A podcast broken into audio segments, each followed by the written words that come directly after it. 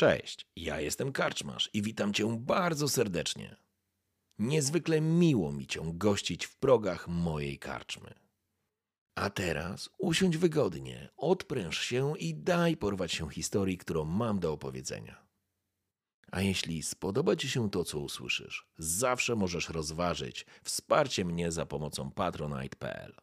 Link znajdziesz w opisie. Życzę miłego słuchania. Oby nam się! Witam wszystkich bardzo serdecznie, jestem Karczmasz, witam w Karczmie na kolejnej sesji RPG. Wracamy z Wiedźminem, tak jak już Was wcześniej informowałem. E, pojawia się zupełnie nowa ekipa, która będzie właśnie w świecie Wiedźmina e, walczyła o to, żeby przeżyć, nazwijmy to w ten sposób. E, I jest mi niezwykle miło powitać i jakby przedstawić nowych graczy, którzy dołączyli do karczmy i będziemy tutaj sobie pogrywać właśnie w... No dobra, Wiedźmina, koniec dyskusji, bo jesteśmy trochę po czasie, ale zacznijmy, ja widzę po prostu od góry, więc będę prosił, żeby każdy z was się przedstawił, powiedział dosłownie dwa, trzy zdania o sobie i przejdziemy wtedy dalej. E, widzę pierwszego Asyluma, więc Asylum od ciebie zacznę. Jak zawsze wszystko na moich barkach. Dobra, cześć, jestem Asylum, mam kanał na YouTubie, możecie sobie mnie kliknąć jak będziecie chcieli e, pooglądać sobie jakieś materiały z Overwatcha, z Wiedźmina, takie inne tam pierdoły. Generalnie z Marcinem będziemy tutaj z Karczmarzem, Będziemy dzisiaj siedzieć i razem z Drwalem i jeszcze z Osomem będziemy dzisiaj rypać Wiedźmina. Zobaczymy jak wam się spodoba ta historia, no i cóż, oddaję głos chłopakom. Drwal, jesteś następny. No dobra, zostałem wyprany, no to będę mówił. E, cześć siemaneczko, z tej strony Drwal Rembajło. E, witam was wszystkich serdecznie, słuchajcie, tutaj zostałem właśnie razem z chłopakami, zaproszenie zostaliśmy przez Karczmarza właśnie, żeby popykać sobie w RPGowego Wiedźmina. Na co dzień zajmuję się Warcraftem, jak dobrze wiecie z mojego kanału na YouTubie, kto nie wie niech sobie obczaj, ale Wiedźmin jest nam wszystkim bardzo, bardzo bliski, oczywiście z sercu. No i zobaczymy, no zobaczymy, kurczę, ile przeżyjemy w tymże fantastycznym świecie. Dzięki wielkie. I Awesome? No to zostałem chyba tylko ja. E, również YouTubek. Zobaczyć możecie kanał Versus, to jest moje...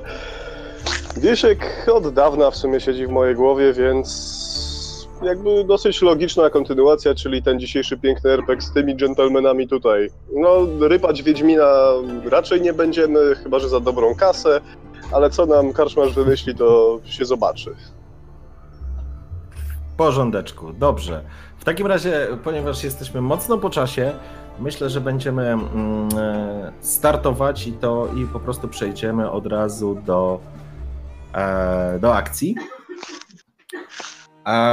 Wszyscy rozumiem gotowi, wszyscy wszystko słyszą, muzyka gra w tle e, i jakby poziom głośności też powinien być w porządku.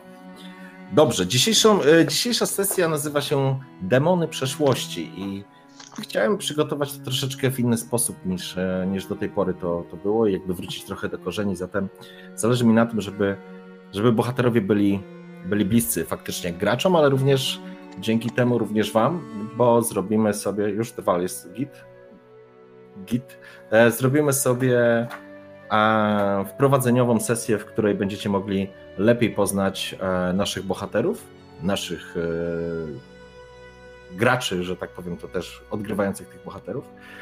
Um, gramy oczywiście w świecie Wiedźmina i co najważniejsze, jesteśmy na tej samej poziomie czasowym co w poprzednich sesjach, więc jakby jest dla mnie spójność świata najważniejsza, w związku z tym wydarzenia, które się będą odbywać tutaj, odbywają się, mają swoje odbicie w jakichś innych rzeczywistościach czy w innych e, ekipach, z którymi będziemy grać. Natomiast zacznijmy dzisiaj już po prostu sesję. Mamy trzech graczy, mamy, tak jak już się mieli okazję chłopaki przedstawić, Asyluma, który gra człowiekiem z Zygmuntem, Zygmuntem czy Sigmundem? Jak... Znaczy Wiesz co, Jak mam czytać? nie zastanawiałem się nad wy wydźwiękiem, ale może być Sigmund. Jest takie bardziej Dobrze. niż Zygmunt, mniej polskie trochę. Dobrze, Sigmund, Sigmund z Adeln jest w dzisiejszych czasach, czyli w 1270 roku, jest najemnikiem, ale o tym dowiecie się za chwileczkę więcej. Drwalerem Bajło e, to inaczej Donimir Herz, przedstawiciel e, zubożałej szlachty prosto z Redanii, a, a nasz przyjaciel Osom to Tel... Zawsze mam problem, bo zawsze to skracam. Telar, nie, Telarat, Telarat. Dobra, raz sobie to przypomnę i powinienem mówić. Te, Telarat Monk, e, który jest półelfem i jest e, czarodziejem. E, powiedzmy, no, w dużym skrócie. E, a tymczasem przejdźmy już, e, przejdźmy już do całej historii. Mamy 1270 rok czasu tego uniwersum. Rok, który jest niezwykle burzliwy, bo e, niedawno, dokładnie niespełna dwa lata temu, zakończyła się druga wojna północna, druga wojna z Nilfgaardem i świat, który znacie i który, który, który widzieliście, został tak naprawdę bardzo mocno naznaczony tą wojną, a zwłaszcza ziemię Edirn oraz południowej Temerii, czyli mówimy tutaj o Soden, Górnym i Dolnym i o Brugge, mówimy o Verden i, to są te miejsca, które najbardziej ucierpiały podczas e, wszystkich wojen północnych. Jak pamiętacie, jeżeli nie, to tylko przypomnę, Rok później, czyli w 1968 roku, został podpisany pokój cintryjski, który zakończył drugą wojnę północną, historyczną wojnę w tym świecie. Wszystkie źródła podają, że to była największa wojna, naj, naj, najwięcej osób angażowała i żołnierzy, wojsk i tak dalej. Natomiast istotne jest to, że przez te niespełna dwa lata tak naprawdę te wszystkie ziemie, ten cały świat liże rany stara się zabliźnić to, co ta wojna uczyniła. Uczyniła bardzo wiele złego, bo wymordowano dziesiątki tysięcy ludzi, zniszczono setki miast, miasteczek, wiosek. A, I tak naprawdę doszło do sytuacji, w której świat, który znamy i ludzie, można powiedzieć, nieco zdziczeli. E, mam prośbę, e, zwłaszcza do ciebie, Sylu, masz mechanika i napierdzielasz jak wariat. Wiem, ale po prostu jest problem z tym, że niektóre osoby, tak jak my, nie widzą streamu i piszę po prostu to na czacie. Aha, Żeby dobra. cię nie spoko. przerywać. To już co, się, wiesz, prawdopodobnie wtedy muszą wejść w kanał Karczmarza Tak, ja i już, tam na, jest... ja już napisałem, już napisałem, No. że, że z tego. Bo zaplanowanie nam po prostu zepsuło. Dobra, kontynuuj, sorry, przerwałem. Dobrze, w porządku. Mamy, mamy, późną, mamy późną wiosnę, jest e, końcówka marca, jest 1270 rok, jest wieczór, jest późno. Znajdujecie się wszyscy tak naprawdę w jednym, e, w jednym miejscu, w dziwnym pomieszczeniu właściwie, e, budynku, do którego zostaliście skierowani e, całkiem niedawno przez bardzo dziwnego, przez bardzo dziwnego człowieka, który po prostu was odnalazł. A każdy z was zajmował się różnymi rzeczami, bo przecież Sigmund był najem, jest najemnikiem i jakby sprzedaje swoje umiejętności po to, żeby po to, żeby, żeby po prostu e, przeżyć. E, Kolega, kolega Donmir jest e, również powiedzmy najemnikiem, to on już był, teraz zajmuje się zupełnie czymś innym. E, Jest banitą, jest rauprighterem, po prostu jest zbójem który napada na gościńcach i szuka w ten sposób swojego szczęścia. Ale i oczywiście mamy jeszcze naszego półelfa, pana Monka, który zajmuje się, nazwijmy to ładnie, handlem, ale jako półelf nigdy nie miał łatwo w tym świecie. Dlaczego w ogóle ci wszyscy, te, wszystkie, te wszystkie osoby się znalazły właściwie w jednym miejscu? Dlaczego znalazł te osoby jeden człowiek, który Wystarczyło, że powiedział jedno zdanie. Powiedział, które przekonało was do tego, że należy się spotkać w tym miejscu w określonym czasie i w określonej, w określonym miejscu, w określonej porze. Powiedział jedną rzecz. Pamiętamy Hamen. I teraz oczywiście niewiele wam to mówi, ale wyobraźcie sobie, że siedzicie w ciemnym pomieszczeniu, które rozpalone jest przez kominek. Kominek i ogień huczy wesoło właśnie tam w palenisku, rzucając światła i rozbijając je na tysiące refleksów w pomieszczeniu. W powietrzu unosi się zapach stęchlizny. Budynek, w którym jesteście od dawna był niewykorzystywany. Czuć wilgoć, a porozwalane są, się porozrzucane są śmieci gdzieś po kątach. Widać zniszczone fragmenty e, mebli. Natomiast stół, przy którym siedzicie, jest stołem, który spokojnie by pomieścił ze 12 osób nawet. Siedzicie przy jednym stole, właściwie tak naprzeciwko siebie, a jeden z was u wezgłowia stołu. Znacie się, natomiast panuje śmiertelna cisza. Nikt z was nie zamienił właściwie słowa. Doskonale się znacie, powiedziałbym. Czy byliście, jesteście przyjaciółmi? Trudno mi powiedzieć, ale z pewnością każdy z Was przeżył wspólnie takie wydarzenia, które na zawsze ryły się w Waszej pamięci. Z prawej strony stołu siedzi e, Talard. E, przepraszam. Telard. Telarat. Kurde, nie mogę tego zapamiętać. Tele, telarat. E, siedzi Telarat. E, ubrany w ciemny, w ciemny płaszcz, w dobrej jakości ciuchy. Na głowie ma zarzucone, zarzuconą e, kaptur. E, trzyma na stole, leży niewielki skórzany jakby notes. To jest pamiętnik albo, albo dziennik Trzyma na nim dłoń i po prostu delikatnie głaszcze kciukiem ten, e, tą stronę. Naprzeciwko niego siedzi barczysty i duży Sigmund, który opiera ręce na swoim mieczu, który ostrzem oczywiście skierowany jest w dół. Ma złożone, patrzy się za, za, za półelfem, jest ten kominek i on siedzi jakby w takiej mrocznej, w mrocznej pozycji, to znaczy nie widzisz jego twarzy, krótko mówiąc E, tak e, pada cień, jest oczywiście wieczór, jest późno, jest noc właściwie. E, obok, po drugiej stronie, siedzi z wami Donimir, który widać, że jest trochę pokiereszowany, jakby to były skutki i efekty ostatniej, być może ostatniej jakiejś, e, jakiejś walki. Siedzicie i nie mówicie nic. Każdy z was zna się bardzo dobrze. Mija, minęło już półtora roku po wydarzeniach z II wojny północnej, czy ponad, no tak, półtora, przepraszam, prawie dwa lata.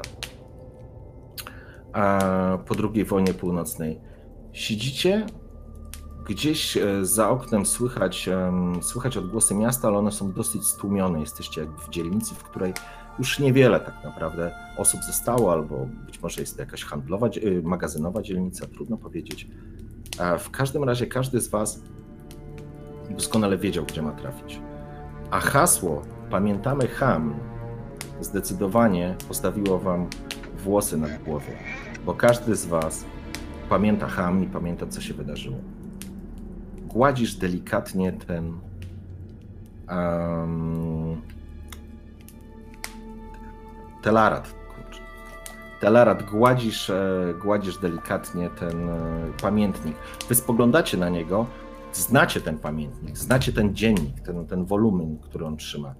A jest tak stary jak wasza znajomość. Ma około dwóch lat, jest zniszczony, widać, że okładka jest podziurawiona w niektórych miejscach, jakby od pchnięcia sztyletu. Jest, e, karty są zamoczone, zniszczone, ubłocone, ale jest ten, on cały czas trzyma ten pamiętnik, lekko otwierając i otwiera pierwszą sobie stronę, jakby tak od niechcenia, wszyscy czekacie na coś albo na kogoś, zdecydowanie na kogoś, ten ktoś powinien się tu pojawić, właściwie na jego zaproszenie. Tutaj wszyscy się stawiliście. Gdy Telarat przekłada poszczególne karty. Widzisz, mm, nie, ty to czytasz gdzieś w głowie, natomiast wy doskonale znacie tą historię, bo byliście jej częścią. To był 5 listopada 1267 roku. To był moment, kiedy po raz pierwszy powołano drużynę Szczapa.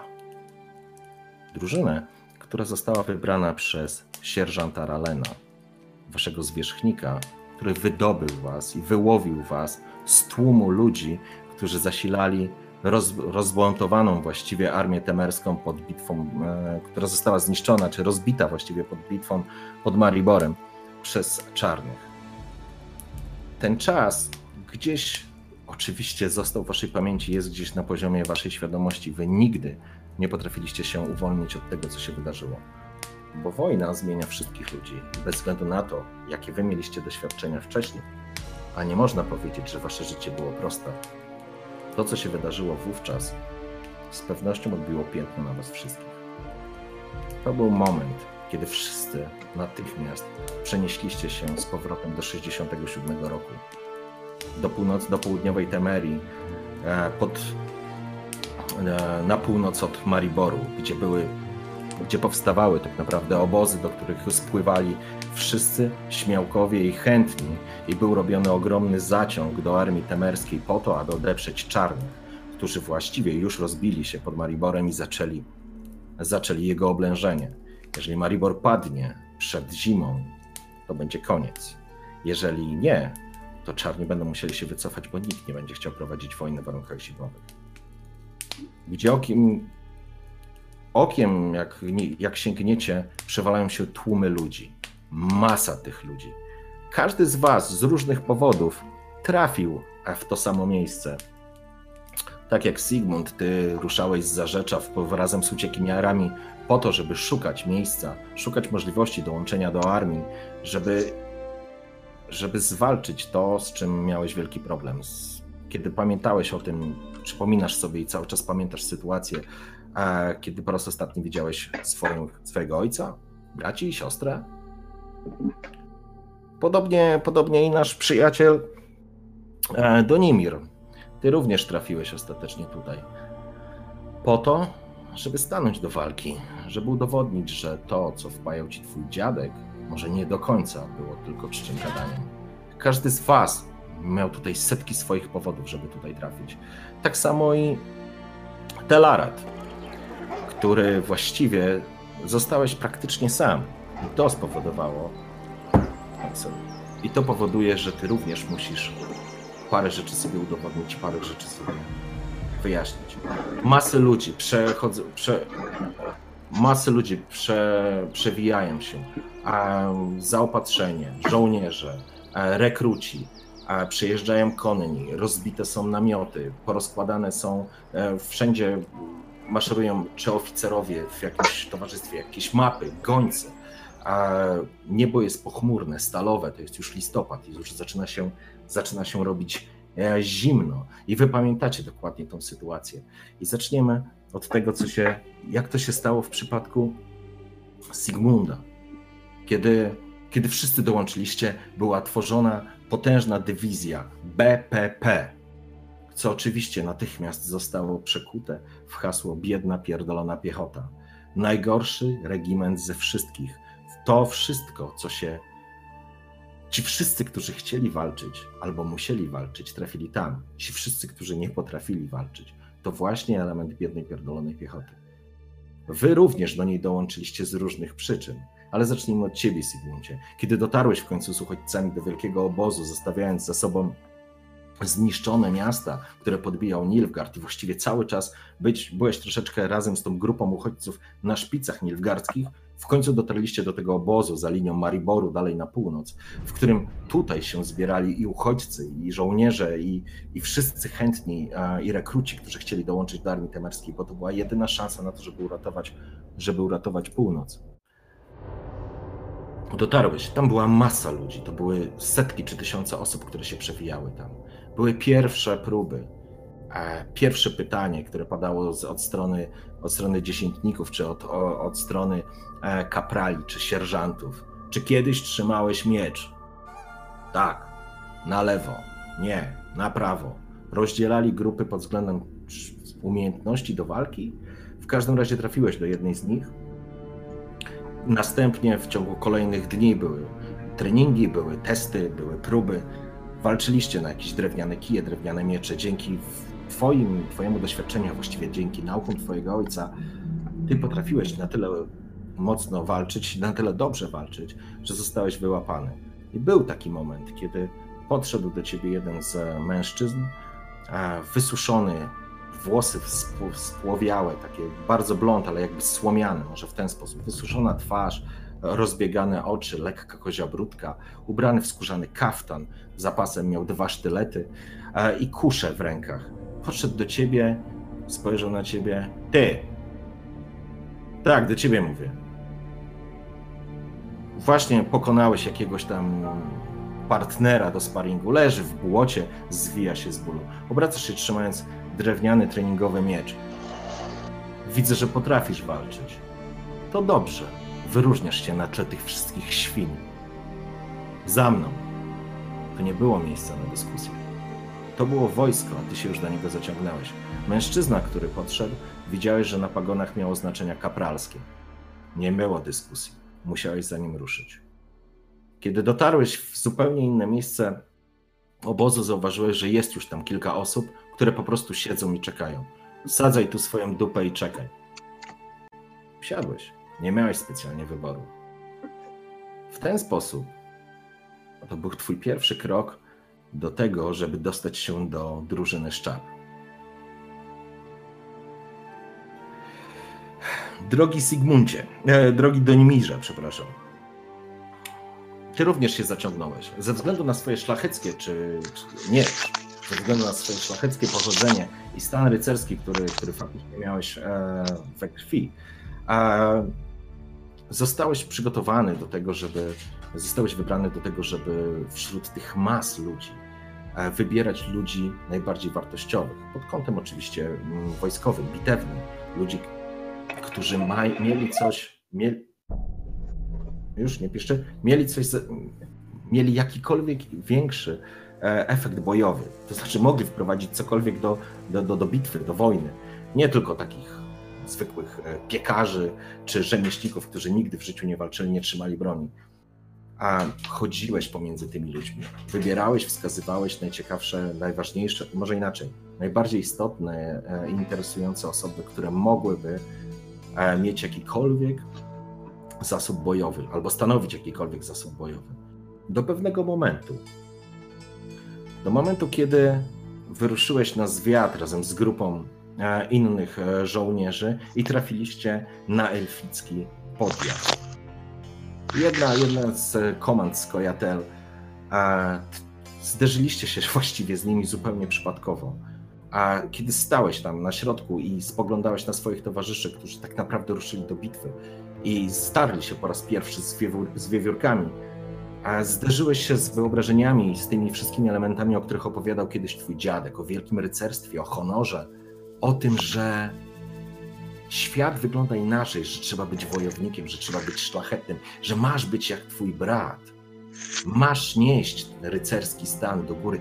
Pomimo tego, że jesteśmy biedni, ty jesteś szlachcicem, ty jesteś rycerzem, ty musisz budować i musisz dalej przedłużać nasz ród. To jest niezwykle ważne. Piękne walki, pojedynki honorowe, turnieje, piękne kobiety, sztuka, i lojalność wobec seniora. To jest dla ciebie najważniejsze i tak ci wpajał to przez lata. Ale kiedy po raz pierwszy zderzyłeś się z... Sorry? Osą wywaliło cię. Kamerę. Kiedy po raz... Przepraszam.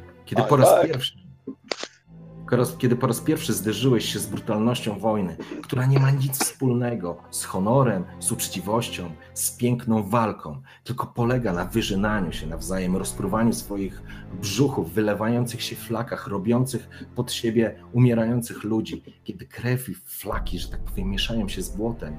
Honor i piękne, donośne i ważne informacje, o których mówił twój dziadek, zupełnie nie imały się rzeczywistości. Kiedy wtapiały się i flaki były wdeptywane w ziemię, kiedy ludzie wrzeszczeli i kwiczeli, zażynani gorzej niż świnie.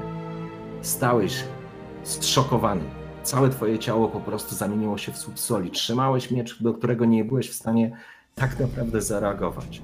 To był moment. Elfy po prostu was wyżynały jeden po drugim.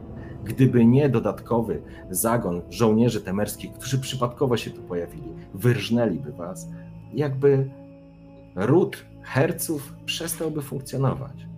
Ale pamiętasz tę sytuację. Stoisz na środku pola, widzisz leżących, e, leżących towarzyszy broni, z którymi wyruszyłeś na ten podjazd. Jęczą, nie, nie wszyscy, są porozbiro, są, że tak powiem, e, rozbici, są zabici, są, ciała są zmasakrowane. Elfy, gdzieś ktoś kwiczące, dobijają po prostu mieczami. Nie ma pardonu, nie ma litości, nie ma honoru. Stoisz, spoglądasz, deszcz kapie ci i zalewa twoją twarz. Nie wiesz, czy płaczesz w tym momencie bezwiednie, czy to deszcz rosi i skrapla się na twojej twarzy. Trzymasz dłoń na mieczu zaciśniętą do tego stopnia, że kłykcie ci bieleją. Drętwieje ci ręka, ale ty się nie możesz ruszyć. Dostrzegasz, jak ci, którzy ci wam pomogli w tej sytuacji, która była zero-jedynkowa, nie było szans na przeżycie. Po prostu dobijają rannych, elfów i starają się pomóc komuś. W twoją stronę obraca się jeden z. Patrzysz? Tak, to chyba sierżant. Idzie w twoją stronę, uz- nałożony ma na sobie kolczugę i czepiec kolczy, jego twarz zalana jest krwią i jakimiś wnętrznościami zabitego elfa. Cię trzyma w rękach miecz, podchodzi do ciebie zdecydowanym krokiem. Skraca się ten dystans, gdzieś tam znowu ten deszcz, gdzieś ktoś jęczy. Mlaszczenie mm, błota roz, rozbijanego przez jego ciężkie podkute buty. Podchodzi do ciebie, spogląda się na ciebie. Odwraca rękę i uderza ci silnie. Huk, trzask, chyba ci wybił zęby. Odpadasz, padasz po prostu jakbyś, jakbyś został pchnięty, czy popchnięty, jakby szmacianą lalkę rzucili. Wpadasz w błoto, twarzą w błoto i widzisz ciurki krwi, które lecą ci, zalewają ci twarz.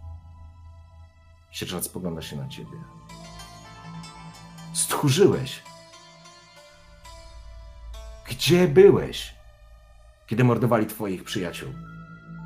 Jesteś tchórzem, jesteś nic nie warty. Nie zasługujesz na to, żeby być kapralem. Pochyla się nad tobą i zrywa ci insygnia, e, kapralskie pagony ze, ze stroju. Zostałeś zdegradowany. Dołączysz do tych świń, do biednej, pierdolonej piechoty. Spluwa i odchodzi. Gdzieś uderza piorun. Deszcz zalewa ci oczy, krew zalewa ci oczy.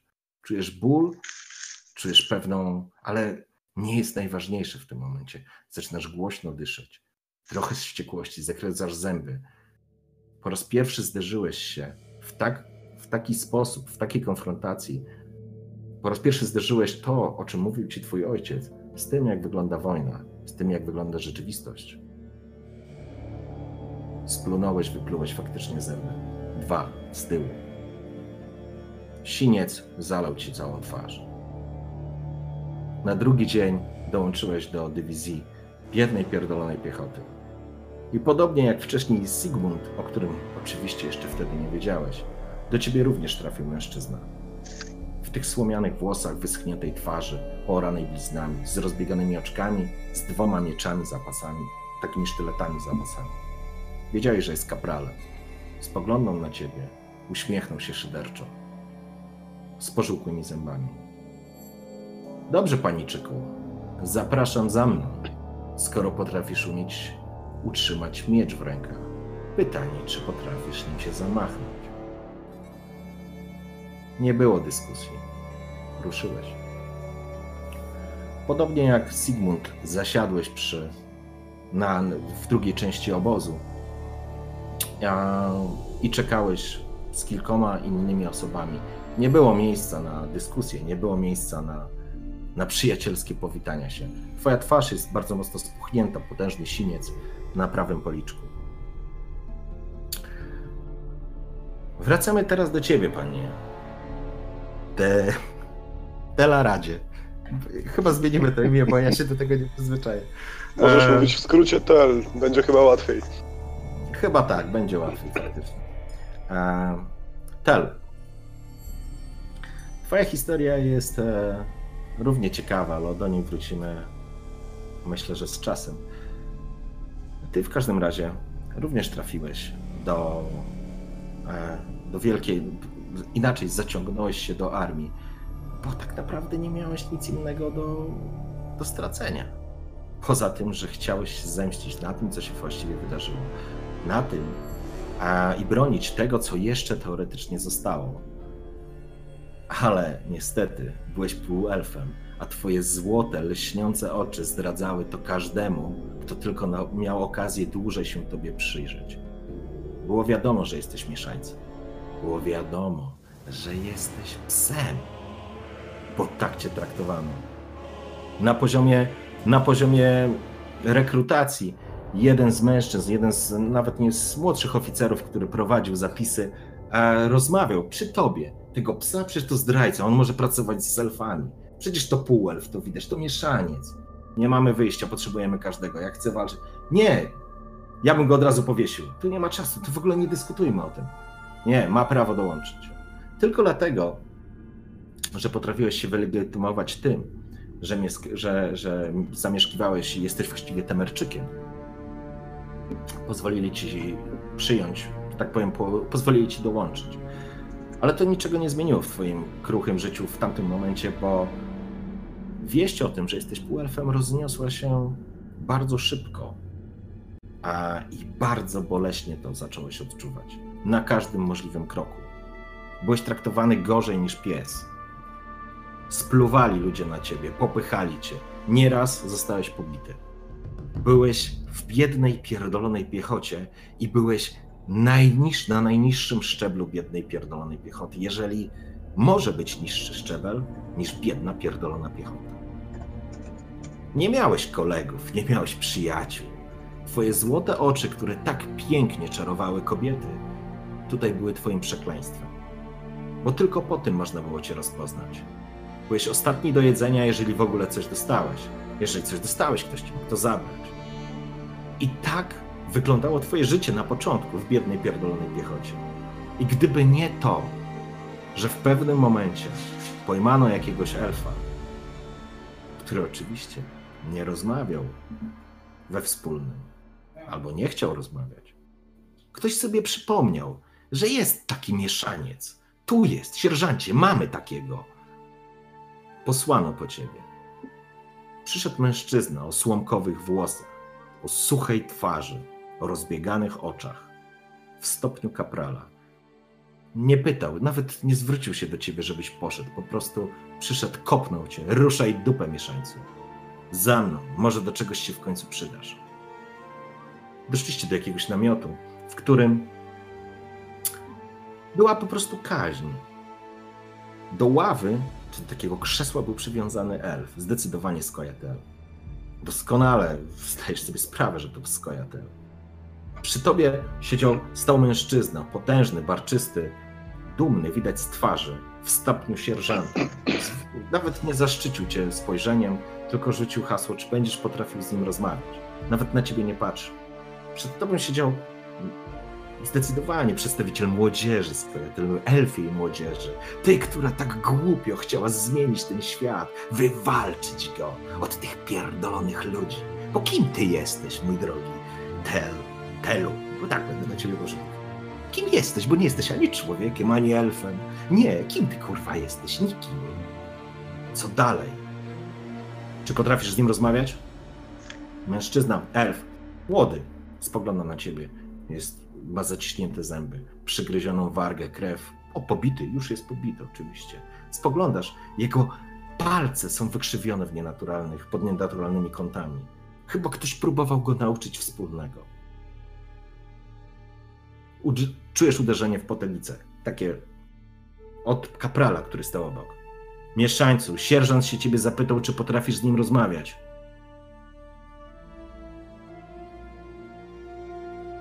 A, to teraz moja kolej. E, tak, tak potrafię, panie kapralu. No to przydaj się kurwa do czegoś.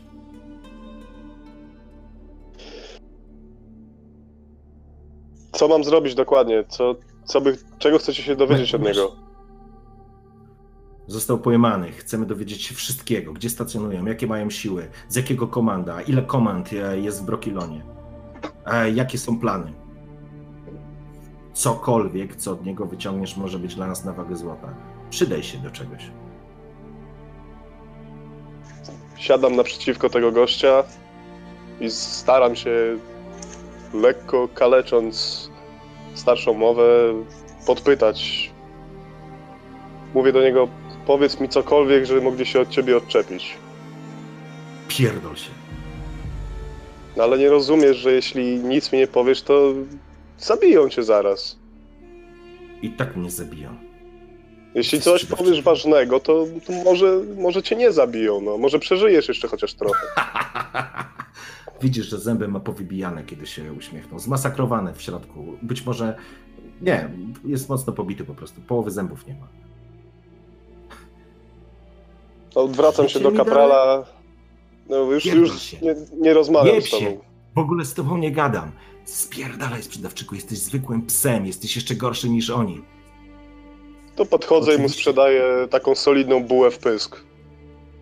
Uderzasz. Jego głowa, że tak powiem, odskakuje, odbija się od, e, od wezgłowia krzesła.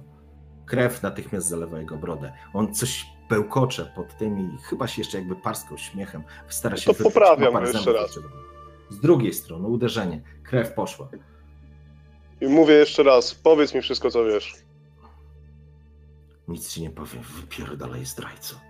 Zdrajco własnej rasy. Twoja matka była suką. Czy została zgwałcona przez jednego z twoich ziomków? Pff, spluwa. No, pytam się ciebie, czegoś się dowiedziałeś? To kapral. Tak. Nie za bardzo chętnie, ale chce mi powiedzieć, gdzie są pozostałe komanda. Nie za dużo wie. Wie tylko troszeczkę. Może, się. może powiedzieć co najwyżej tyle, że gdzie, gdzie jego ostatnie komando było. I to wszystko. Po raz pierwszy sierżant na ciebie spojrzał. Dobrze. Zanotujcie wszystko. Spogląda na słomianego. A ty zabierz go do, na, do tej grupy, którą będziemy tworzyć. Wychodzi. Otwiera, odchyla połę namiotu. Deszcz pada, zasłania, wychodzi. Oczywiście okazało się, że przecież kapral nie będzie nic pisał. Chyba w ogóle nie umiał, to nieważne, ale nie będzie pisał. Ale okazało się, że ty umiesz pisać. Jesteś wykształcony. Więc dobrze. Oczywiście spisałeś raport. Ułożyłeś tam różnego rodzaju historie, tak, żeby one brzmiały wiarygodnie. Najśmieszniejsze jest to, że nawet jeżeli ktoś to sprawdził, uciekła kamera? E, Okej. Jeżeli ktoś to sprawdził, to było prawdziwe. Dzięki temu wyrwałeś się z piekła. Ale z perspektywy czasu zastanawiasz się, czy nie trafiłeś do większego. Kiedy dołączyłeś do grupy oczekującej na placu, było was 15 osób siedzących wokół ogniska. Deszcz siąpił niemiłosiernie.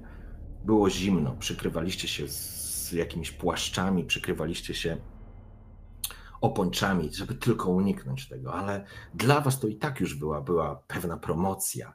Wy już jakbyście wyszli z samego dna, z samego dna Gehenny, a teraz, teraz powinno być tylko lepiej. Chwilę później na plac wyszedł mężczyzna, ten, który po was przyszedł. Kapral. Tak do niego mówiliście, słomiany. Stanąć w szeregu. Potraficie to? Czy mam was nauczyć? Nie trzeba było dwa razy powtarzać. Wszyscy wiedzieliście, co, czym się skończy jakakolwiek niesubordynacja, więc natychmiast stanęliście w szeregu. Zaraz przyjdzie sierżant. Na baczność, powiedziałem. Stajecie wszyscy. Deszcz siąpi, moczy was całkowicie. E, ognisko praktycznie przygasa. Gdzieś słychać oczywiście dookoła was masę ludzi, taborów, e, zaopatrzenia, wojsk przechodzących, rzemieślników. Ale wasz mikrokosmos zamroził się właśnie w tej chwili. Wy stoicie w tym deszczu, spoglądając na namiot, który jest, przed wami. Odchyla się poła, poła tego płaszcza. Wychodzi mężczyzna, wysoki, dobrze zbudowany, o gładko przygolonej i równo przygolonej brodzie. Jest, jest upruszona e, siwizną. Ty, e, Tal, ty go kojarzysz. To był ten sierżant, z którym parę dni temu miałeś okazję, że tak powiem, któremu miałeś okazję zdawać raport. Mężczyzna wychodzi, staje naprzeciwko was, splata ręce za sobą, ma na sobie ubraną kolczugę, oczywiście wielkie godło temerskie, pagony sierżanta, skórzany, nie skórzany, tylko e, czepiec kolce, kolczy na głowie. Przygląda się, nie mówi nic. Lekko jakby kiwa głową. Jakby... Sorry? Jakby w ogóle nie był zadowolony z tego, co, co widzi. Stoi was 15 różnych, różnych mężczyzn w różnych, że tak powiem... Nie wyglądacie jak gwardia honorowa. O, w ten sposób.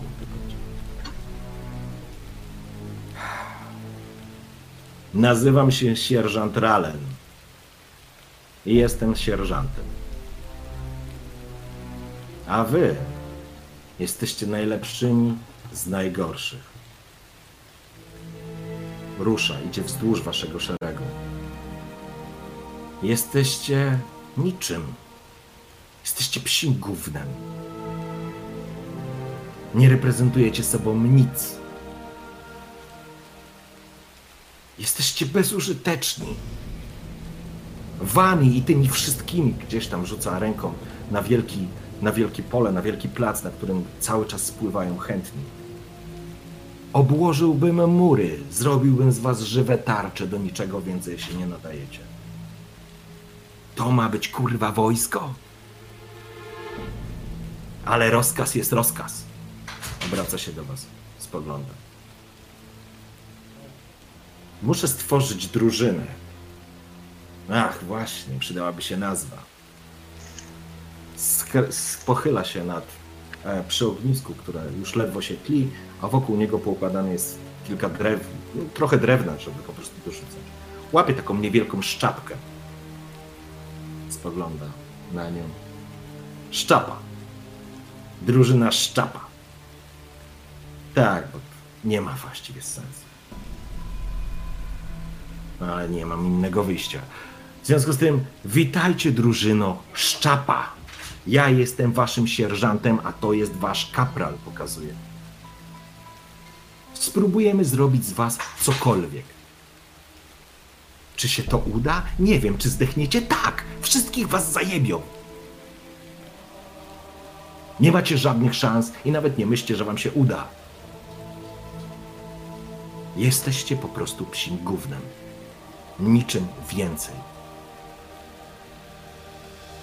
Chociaż jesteście troszeczkę lepsi niż biedna pierdolona piechota. Bo tam przywiązujemy z jednej strony słomę, a z drugiej siano, żeby to gówno mogło maszerować. I żeby nie mogło sobie nic pomieszać. Bo lewa, prawa to jest kurwa zbyt trudne. Więc wołają słoma, siano, słoma, siano. I tak można te masy żywych tarcz zmusić do poruszania się.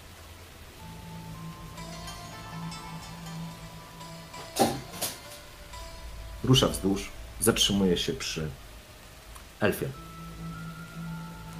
Ty potrafisz pisać. Zatem ty jesteś odpowiedzialny za raportowanie i zapisanie dziennika nowej drużyny o dumnej nazwie Szczapa. Pamiętajcie o jednej rzeczy. Szczapa jest bardzo delikatna, można ją złamać, można ją spalić. Jeżeli wszyscy nie zaczniecie ze sobą współpracować, to zginiecie tak szybko, jak ta szczapa w tym ognisku. Ale jeżeli się uda cokolwiek z was wykrzesać dobrego, to jest szansa, że pożyjecie wystarczająco długo, żeby żałować, że przeżyliście. To wszystko.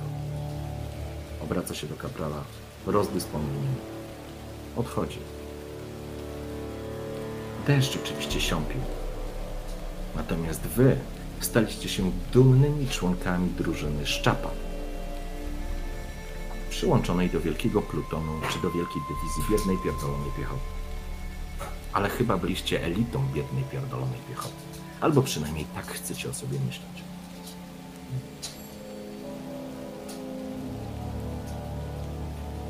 Siedzicie znowu z powrotem w tym pomieszczeniu przy stole. Gładzisz ten dzień. Przepraszam, sorry, kurwa, pies przyszedł, sorry. Nawet pies ma lepsze żarcie od nas, no. Oj tak. Biedna, pierdolona piechota. Ah. Ale przynajmniej może pójdziemy chociaż w drugiej linii. I nie w pierwszej. Ze szczęścia. Nie liczyłbym na to. Kable porozłączane, sorry. Ale ty przodem. Ojejku, Właśnie, właśnie. Panie Elfie. cholerny świat. A, dobra. Jak, Dobra, jak weź- będziesz zmieniał pogodę, to mi mów, to ci będę deszczyk włączał albo takie inne. A teraz? Dobrze jest. No nie, nie Dobrze wiesz. jest. właśnie. Ach, jak ja uwielbiam. Moment. Aha, dobra, sekundka. Dobra, chyba was słyszę. Dobra, wybaczcie. Tak? Wszystko jest okej? O, tak. Dobrze, w porządku. E, wracamy. Kurczę, czy wy teraz słyszycie muzykę? O, Tak. słyszę. Cały, Muzyka- cały czas jest. Cały czas jest muzyka. O, Wszystko kontroluję w razie czego z audio. poczekaj, bo mi nic teraz nie słyszę. Sekunda. Wyłączę, włączę, bo się po prostu pochrzaniło. Wybaczcie za... A, no nie, Spotify not responding. No proszę cię, nie rób mi tego. Norma, zawsze jak trzeba, to nie działa. Poczekajcie, sorry, bo mam teraz kłopot. Nie. Odpal się, proszę cię, nie bądź świnią. O, jest, jest, jest. jest. Chyba będzie Ale wszystko. generalnie mm, taki klimacik jest. No, trzeba przyznać, nie? Ja jest, chyba zaraz po kapcie pójdę, jest tak, tak kurwa ciężki klimat. Nie, nie. Słuchajcie, dopiero, dopiero zaczynamy, a ja sobie To opowiedziałem, że tak. sesja wprowadzeniowa musi być dzisiaj zrobiona cała. Dobra, już, już włączam, już No to włączam. do zobaczenia jutro w takim razie, czat. Dobrze jest. Powiedz, że słychać? Dobra, słyszę. Jest ok. Dobra, wracamy. Przepraszam bardzo za tę przerwę. W porządku. Wracamy z powrotem do tego samego ciemnego, stęchniętego, zatęchłego pomieszczenia, w którym jest kilka okien z naciągniętymi pęcherzami, przez które blask księżyca z trudem się przebija i zostaje po nim taki żółto, ohydłe światło. Huczy przyjemnie ogień i to jest jeden element, który jest miły. Bo wasze towarzystwo wspólne, reprezentanci czy członkowie drużyny Szczapa, może być różnie odbierane przez różne osoby. Bez względu na to, że dziennik, który, który gładzi tak naprawdę Tal, jest przed nim i on widzi ten dziennik. Nie ma znaczenia, wy doskonale wiecie, co tam jest napisane, jak to wszystko wyglądało. I ten moment, w którym przez chwilę przenieśliście się do dokładnie 5 listopada 1267 roku, w tym samym momencie, jakbyście mieli kolektywną pamięć, wspólną pamięć, jakbyście się wszyscy tam przenieśli ze własnymi historiami i tam stali na tym placu. 5 listopad 1267. Dziś powołano do życia drużynę Szczapa, która składała się z 15 żołnierzy i wchodziła w skład dywizji BPP. Dowódcą drużyny został sierżant Ralen. Ponieważ umiałem pisać i czytać, zostałem przydzielony do pisania raportów. Kapral Wszerat Słoma z Gulety. Donimir Herz Sigmund z Adeln. Elarat Monk Tytus Złodziej. Tybalt Kamieniarz. Chris Skagen. Bartko Mleczarz Marius Brennan. Godzimir z Angernu Bogdał z Brugge Wszerat Rzeźnik Anselm z Dorian Bardol Łucznik i Galien Pięściarz. Tak wyglądał skład osobowy drużyny Szczapa. Huczy ogień, przyjemnie się robi. Przez chwilę się robi nawet ciepło. 6 listopada 1267. Sierżant nazywa nas psim gównem i zbiorem najgorszych męt po tej stronie Jarugi. Ćwiczenia. 7 listopad. Dalsze ćwiczenia. Chris pożygał się z wysiłku, za co musiał sprzątać latrynę. Przekładasz kolejną kartę. 8 listopada. Robi się coraz zimniej. Deszcz zamienia obóz w jedno wielkie bagno. Podobno czarni mają odstąpić od oblężenia Mariboru i wycofują się na zimę. 9 listopad. Skończyły się zapasy. Czekamy na dostawy, racje żywieniowe obcięte o połowę. 11 listopada. Uśmiechasz się pod nosem i tak jakbyście czytali w jego umyśle. Wszakże byliście częścią tej samej historii. To był ciekawy dzień. Tytus ukradł wisiorek Tybalda. Dostał za swoje w nocy. Kocuwa od wszystkich. Wybiliśmy mu zęby i złamaliśmy rękę. Sierżant prawie nas zabił podczas musztry. Choć padło zdanie, że skoro zaczynamy się rozumieć, to znaczy, że jest szansa na to, aby czarni was nie wyruchali. Następnie czołgaliśmy się w błocie tylko po to, aby doprowadzić naszymi parszywymi jęzorami mundur do blasku. 15 listopada 1267. Podobno mamy wyruszyć z obozu jeszcze przed grudniem. Nie znamy celu podróży. Nadal jesteśmy psim gównem, które musi się wyrobić w coś zdatnego do użycia, bo inaczej czarni najpierw nas wyruchają, a następnie zabiją. Ewentualnie w odwrotnej kolejności. 25 listopad. Wyruszamy na zachód do Werden, aby wspierać partyzantów, którzy sprzeciwiają się Erwylowi. 2 grudnia 2000 1267. Spada pierwszy śnieg. Dowiadujemy się o grupie operacyjnej Werden pod przywództwem Joachima de Wetta. 20 grudnia 1267. Pierwszy kontakt z partyzantami. Zaczynamy działanie. 22 grudnia 2267. Trafiamy na zwiat czarnych. Walka przy opuszczonym młynie. Ginie Bartko i Marius, ale udało się ich zmasakrować. To był też moment, w którym Sigmund ratuje życie Etalowi. Dziękuję. Przekładasz ostatnią, kolejną stronę. I wszyscy widzicie, że strona jest rozerwana. Tak jakby została wyrwana z e, tego dziennika. Jednak wszyscy wiecie, co to była za data. To był 5 styczeń 1268 roku. Wieś Mitzheim. Wieś, której nigdy w życiu nie zapomnicie. I data, której z pewnością nigdy w życiu nie zapomnicie.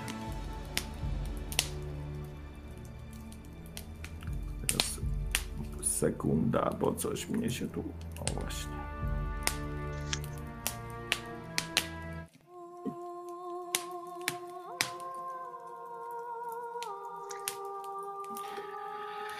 Dobrze. 5 stycznia, wieś Mitzheim, Werden. W państwie na zachód od Temerii, właściwie na pasie, pasie przybrzeżnym, która tak naprawdę jest o tyle ważna z punktu widzenia strategicznego, że przy Jarudze ma trzy potężne twierdze, które blokują, skutecznie zablokowały możliwość przerzucenia wojsk temerskich za Jarugę w kierunku Cintry, bo taki był pierwotny plan Foltesta. O tym słyszeliście, dyskutowaliście, rozmawialiście. Oczywiście to były wasze przypuszczenia, bo przecież nie mieliście dostępu do jakichś ważnych informacji. Niestety, zaraz po rozpoczęciu II wojny północnej król Erwyl złożył hołd lenny cesarzowi i zupełnie bez żadnego oporu wpuścił na swoje ziemię grupę operacyjną Werden pod przywództwem księcia Joachima de Wetta. Ten w bardzo skrupulatny sposób dopuszczał się kaźni poszczególnych wsi czy miejsc w Werden po to, żeby zniszczyć ruch oporu, zniszczyć partyzantów, opozycjonistów miast ruszać gdzieś na północ. To doprowadzało, to doprowadziło do katastrofy, zwłaszcza cywilną, cywilną część, cywil, cywilów, krótko mówiąc. W każdym razie, wy trafiliście do wsi Mincem. Dlaczego trafiliście? Byliście już po kontaktach z e, partyzantami, e, z grupami, z grupą, z ruchem oporu, który tak naprawdę walczył z, z czarnymi, którzy zajęli to, zajęli ten kraj właściwie bez jednego wystrzału. I dlaczego to miejsce tak naprawdę tak bardzo wpłynęło na Was wszystkich? O tym właśnie teraz, szanowni, kiedy przekładacie poszczególną stronę, czy właściwie głaszczesz tą stronę. Ogień huczy gdzieś w kominku. Powietrze robi się coraz cięższe. Zaczynacie, czujecie jak serce zaczyna Wam bardziej, mocniej bić. Coraz szybciej łapiecie oddech jakby z trudem. Coraz ciężej Wam to wszystko prze, przerzucić. Jakby, jakbyście zepchnęli pewne wydarzenia gdzieś na, na, na skraj swojego umysłu, jakbyście nie chcieli nigdy do nich więcej wracać. Ale niestety nie uda się to. Wieś Mincen płonęła. Płonęło kilka budynków, ludzie byli zepchnięci pod ściany. Przecież wy przyjechaliście tutaj po to, żeby wspierać, po to, żeby pomagać partyzantom. Po to, jak się później okazało, wy byliście grupą specjalną, która miała za zadanie wspierać partyzantów w walce z grupą operacyjną Werden, jednać sobie ludzi, budować coraz większy ruch oporu, pomagać Werdeńczykom, tym prawdziwym Werdeńczykom, którzy chcieli być dalej częścią Królestw Północnych, którzy nie chcieli, aby Nilfgaard roz... połknął tak naprawdę całe Królestwo Północne. A jednak król Erwyl, ich senior, ich władca, tak prosto schołdował ten kraj, utrzymując w szachu całą Temerię i blokując przejście przez Jarugę na południe. I tutaj grupa Werden sobie świetnie poczynała, natomiast wy dostaliście informację, że we wsi Mitzheim mieszkają ludzie kolaborujący z Nilfgaardczykami. Trzeba było dać przykład. Trzeba było pokazać, że to jest zła droga. Stoicie tak naprawdę w różnych miejscach e, tej samej wsi. Każdy z Was oczywiście widzi to, co się dzieje. Kilka płonących, e, tak jak powiedziałem, budynków. Wasza grupa rozłożona po całej wsi. a Ludzie, cywile zepchnięci do poszczególnych budynków, pozamykani w stodołach, czy w jakimś, jak inaczej, w jakiejś dużej stodole. Ale inne budynki gospodarcze pootwierane są. Słychać wrzaski torturowanych ludzi, przywiązanych do, do słupów, które podtrzymują stropy. Wrzeszcze. Ludzie wrzeszczą, kwiczą, są torturowani. Słychać tylko pojawiające się raz po raz te same zdania. Z kim współpracujecie? Kto jest waszym kontaktem? Nie, krzyk. Roznosi się echem, a ciemna noc. Księżyc, nie chcąc patrzeć na to, co się dzieje w Mitzheim, ukrył swoją twarz za chmurami, które ciągnęły jak takie stalowe, stalowe potwory, zasłaniając go zupełnie. I ty pamiętasz to. Doskonale to każdy z was właściwie pamięta. Jak to wszystko było? Zacznijmy od ciebie, mój drogi rycerzu, szlachetko, jak na ciebie zaczęto wołać. Ty wszakże żyłeś ideałami, tak pięknymi. Ale twój świat runął. Już wtedy, podczas pierwszej bitwy z pierwszymi z Kojater. To był pierwszy krok na twojej wielkiej drodze ku chwale. Chciałeś być wojownikiem, chciałeś być jak twój brat. Chciałeś pomścić go, on zginął pod sobą w 64. Chciałeś być jak on. A później wszystko się popierdoliło. Wizimir został zamordowany. Władzę objęła Rada Reg- Regencyjna, która zaczęła szukać kozłów ofiarnych w Redanii. Przecież ktoś do kurwy więcej musiał być odpowiedzialny za ten zamach. Przecież zawsze się znajdzie ktoś, kto jest winny. Kiedy twój senior, baron, został oskarżony jako jeden z kilku innych baronetów i baronów w całej Redanii, jako opozycja wobec Rady Regencyjnej. Co więcej, udowodniono im przecież, że to oni maczali ręce w spisku na życie i zdrowie króla. Skutecznym, niestety. Wszyscy oni ginęli. Redania spłynęła krwią pod rządami grupy regencyjnej, Rady Regencyjnej, której przewodził tak naprawdę Dijkstra wraz z Filipem Eichhardt, czarodziej. Bo przecież ni, ni, przepraszam, jedna rzecz. Bo przecież Duke Nittert był tylko marionetką. Był tylko twarzą Rady. Ale ginęli jeden po drugim.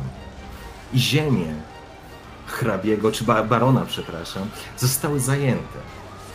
Nowy hrabia przejął je. Po prostu razem ze wszystkim, z dobrodziejstwem inwentarza, czyli również twoją rodziną. Von Herz, bo przecież tak brzmi całe twoje nazwisko. Przestałeś używać von. Ono już nie jest ważne. Szlachetny ród i szlachectwo, rycerstwo, to wszystko bajki. Twój ojciec, ginący, właściwie umierający po tym, jak dowiaduje się, że musi wszystkie długi zapłacić tu i teraz. Ty razem z matką uciekający właściwie w mrok nad do Temerii, do ich rodziny, prosić, kalać się o to, żeby cię przyjęli z powrotem. Żeby pomogli twojej matce, bo ty nie chcesz być na ich utrzymaniu. Absolutnie nie, to nie o to chodzi.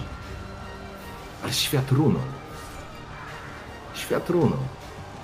I pamiętasz swojego ojca, który czytał ci opowiadania, legendy o legendarnych wojownikach, rycerzach, którzy zawsze byli honorowi, którzy zawsze szli do przodu, którzy zawsze zrobili wszystko, żeby stan rycerski był najpiękniejszy, bo wy jesteście obrońcami zwykłych ludzi. A teraz widzisz, jak zwykli ludzie wchodzą do szlacheckiego dworku, który jakby los chciał.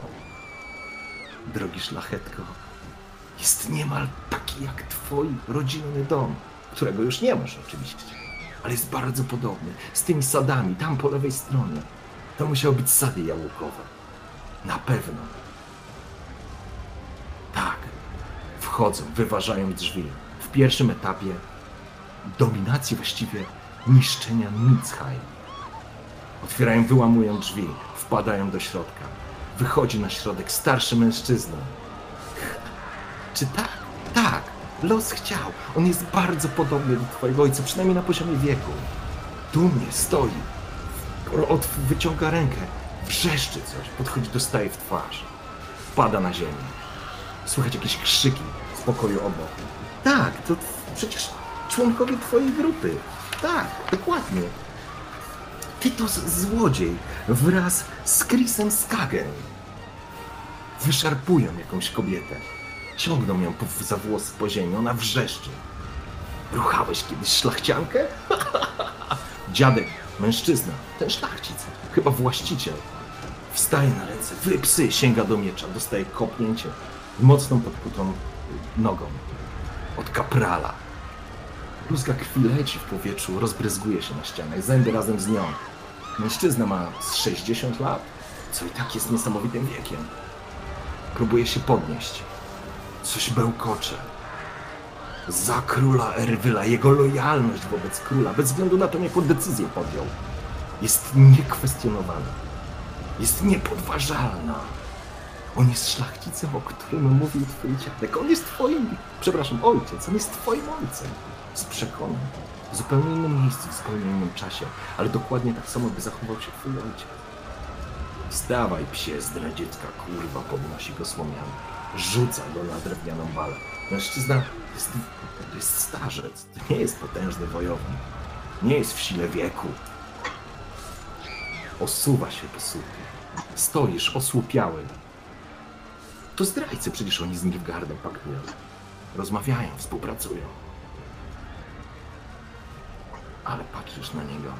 Jest uosobieniem wszystkich cech, o których mówił twój ojciec. Jest właściwie twoim ojcem. Król Erwyl dostaje znowu w twarz. Obraca się. Słychać wrzaski z pokoju obok. Chodź, chodź szlachetko. Bawiłeś się kiedyś? Z szlachcianką? Nie, zostaw. On na pewno tak. Kobieta wrzeszczy. Koniec tej zabawy. Kapral idzie, wyciąga sztylet z zapasa. Wiesz, że ma dwa. Stoisz w tym sal, nie salonie, tylko w tym korytarzu. Drewniane schody pną się ku górze. Może ktoś tam jeszcze u góry jest. Może jakaś służba, ale jest cisza. Jak makiem zasiał. Mężczyzna opiera się. Stań do walki. Oczywiście. Sięga po sztylet. Blask w, w kaganku na klince rzuca refleksy. Przez chwilę jakby cię oślepił, a twój czas zamarł, po prostu zamarł. I widzisz jak ostrze zatacza krąg i samym czubkiem rozcina pod gardle starego szlachcica. Bluzga krwi pada za chwilę po nim. Łapie się, ale nie wrzeszczy. On nie prosił o litość. Nie prosił o to. Łapie się za gardło i osuwa się po słupie. Zamykasz oczy. Serce ci wali łopocze. Masz wrażenie, że widać to pod wielkim watowanym e, który masz na sobie. W sensie pancerza. Czujesz jak kropla e, czujesz jak kropla potu gdzieś ci wpada za kołnierz. Masz znowu zbielałe kłykcie. Zaciskasz zęby z wściekłości, z żalu, z rzeczywistości, która ci otacza. Przecież ci ludzie tutaj to byli zwyczajni kurwa ludzie.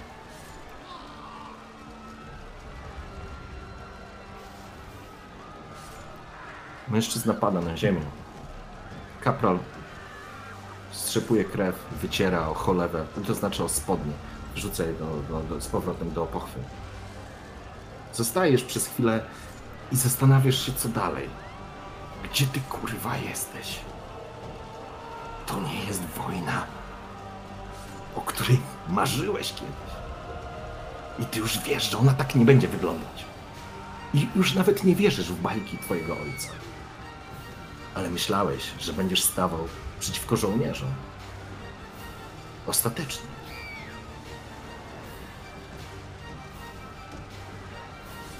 Niedługo później, bo to była pierwsza faza akcji w Mitzheim. Niedługo później przenosimy się zupełnie gdzie indziej. Trafiamy oczywiście mniej więcej w centrum wsi.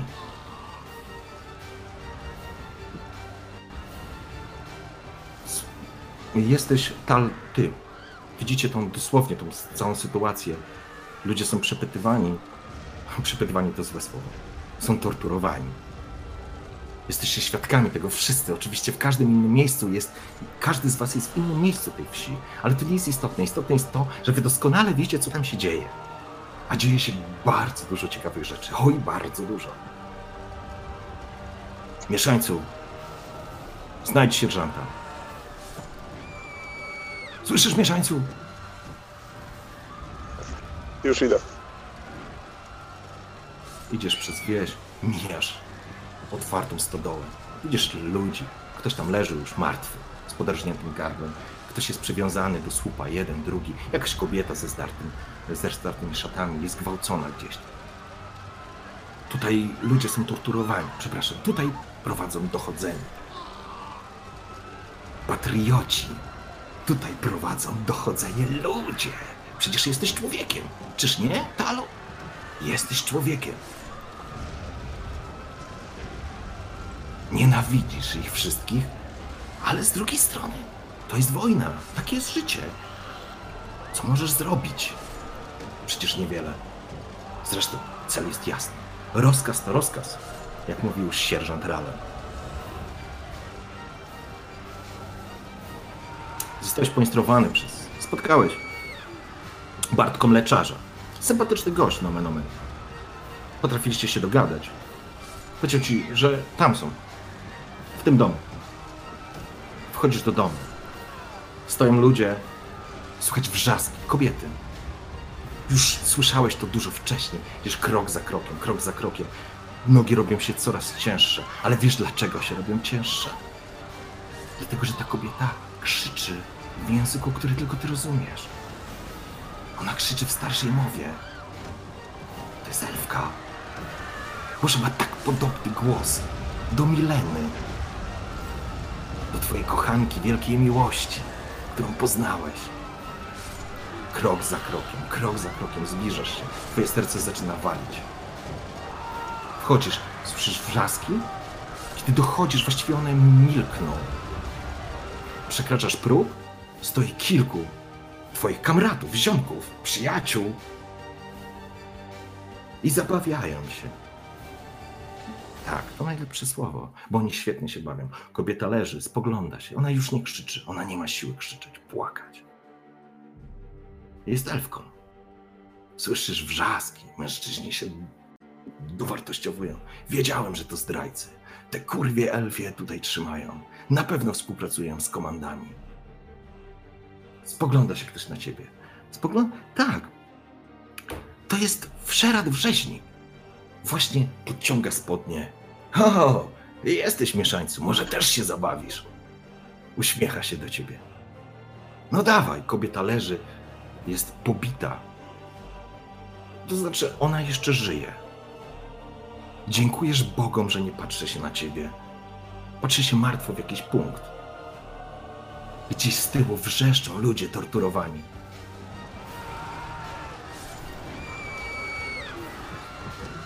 Próbujesz wypowiedzieć coś, ale usta ci po prostu spierzchły. Zacisnąłeś szczękę i przez zaciśnięte zęby mówisz Szukam sierżanta Rallena. Nie ma go tu. W ogóle go tu nie ma. To co, przyłączysz się? Oczy zalewają ci się po prostu bielą.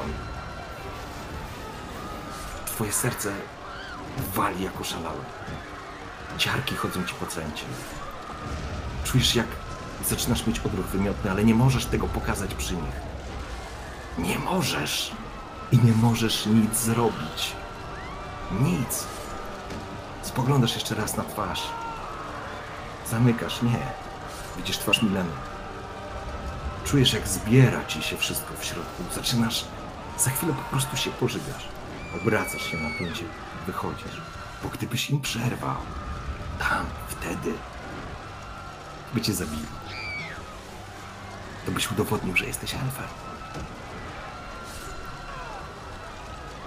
Pamiętasz, jak szybko wybiegłeś, to znaczy opuściłeś normalnym krokiem, żeby tylko nikt nie zwrócił na to uwagi. Po czym wybiegłeś za budynek i po prostu zacząłeś żygać, łukać, dławić się własnymi wymocinami i łzami, które zaczęły cię po prostu bez żadnej kontroli zalały cię. Tak to kurwa nie miało wyglądać. To nie jest kurwa wojna z czarnymi. Tak wojna nie może wyglądać. A może tak wygląda? A może to jest prawda?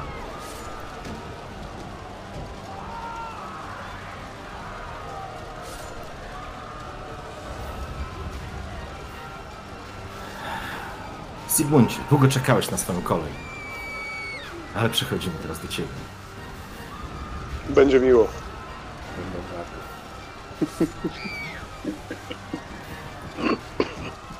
Trzecia faza, Mitzheim. Kątem oka, to oczywiście kątem oka. Uczestniczyłeś w tym, co się działo.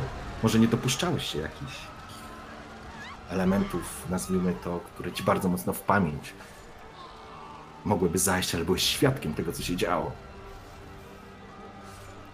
Ta wieś, w której jesteście, może gdyby tylko tego szlacheckiego dworku tam nie było, to właściwie Adlen, wiesz? To właściwie twoja wieś. To, to mogli być twoi sąsiedzi. I pamiętasz tą noc. Pamiętasz tą noc, kiedy podjazd Nilfgardzki wjechał po prostu na, do, waszego, do waszej miejscowości, do Aden. Jak twój ojciec, alkoholik, weteran, ten skurwysyn, którego nienawidziłeś, który was lał rok za rokiem, któremu życzyłeś śmierci. Weteran spod Soden. Weteran z 63. Ten dumny żołnierz. Ta skurwiała karykatura człowieka, która raz za razem udowadniała wam, że jesteście po prostu nie, psim głównym tu mówił o was Ralen.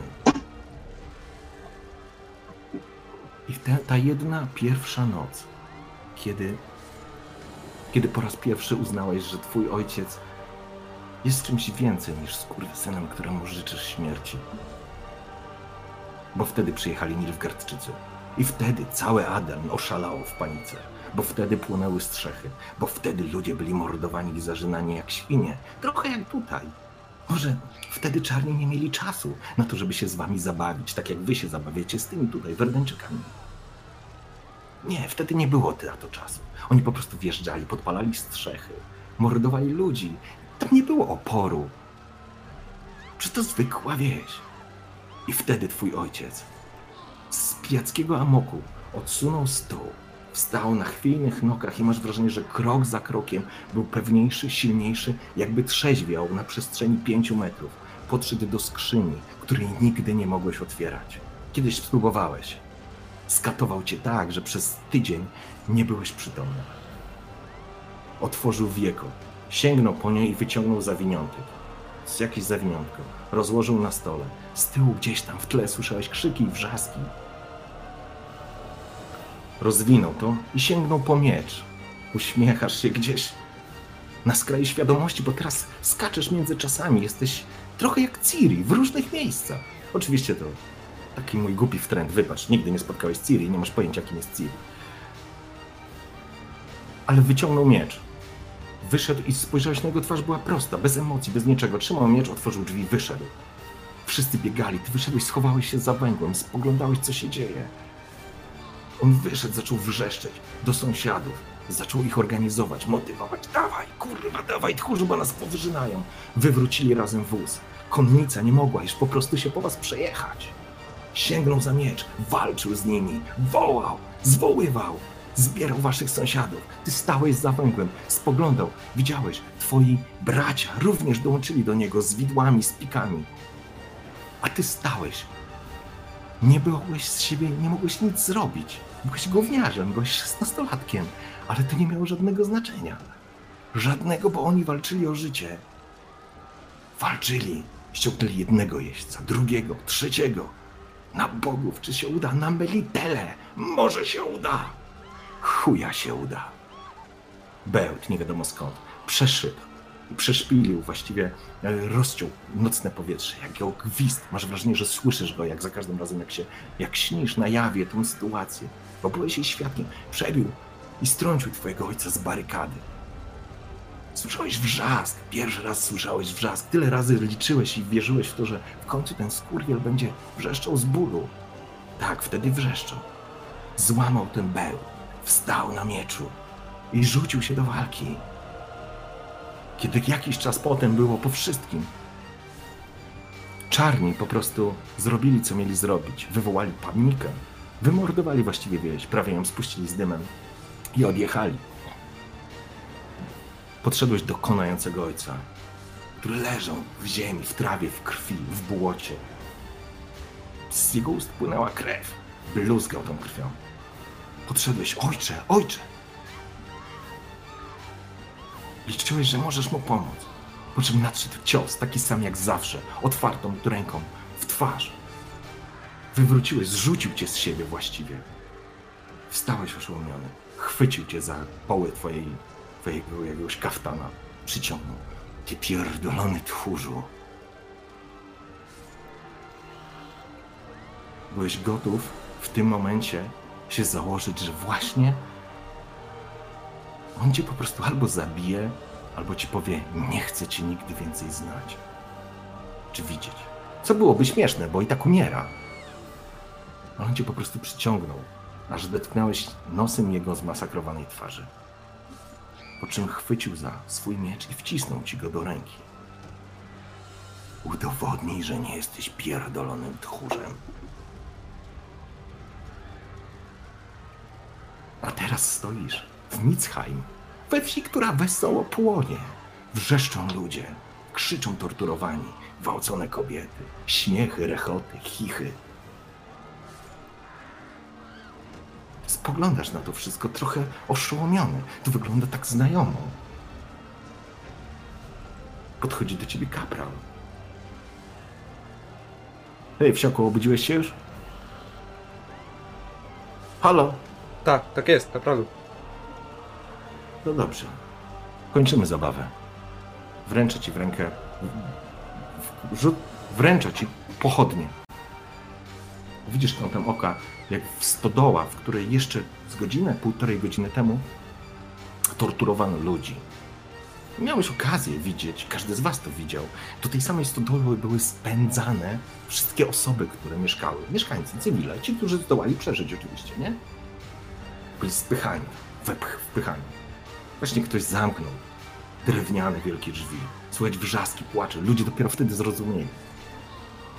Byli tak utumanieni, tak przerażeni, tak złamani, że nawet nie stawiali oporu. Was było piętnastu. Piętnastu?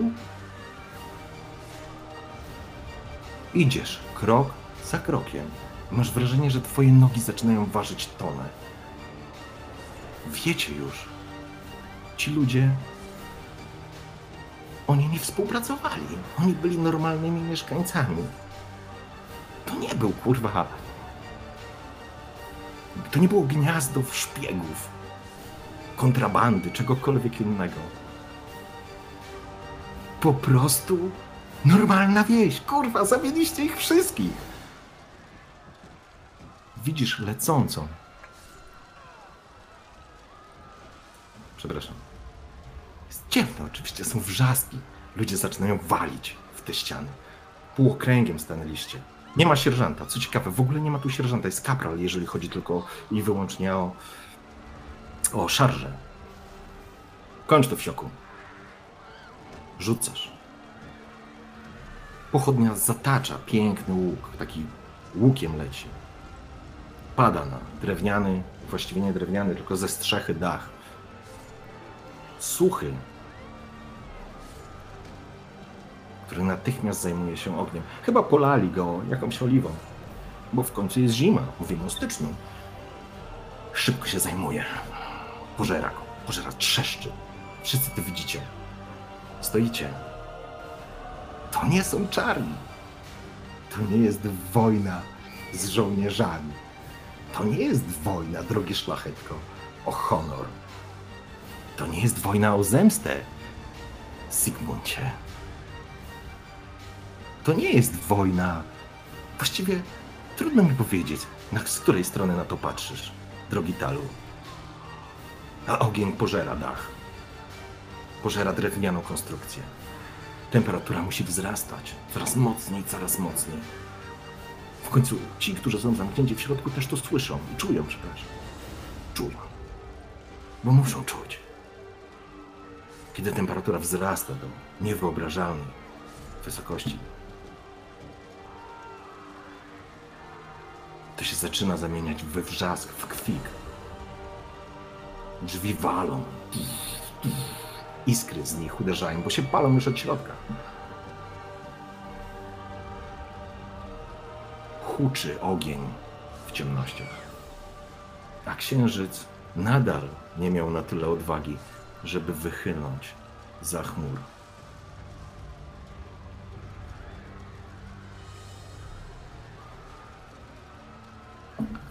Kapral się świetnie bawił.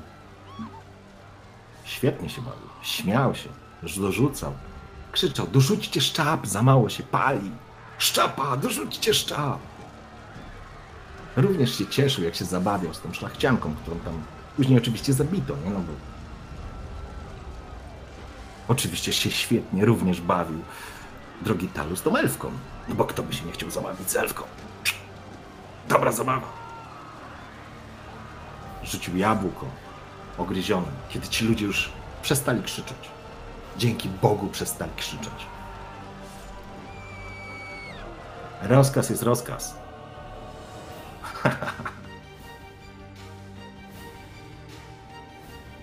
W tym właśnie momencie ogień w kominku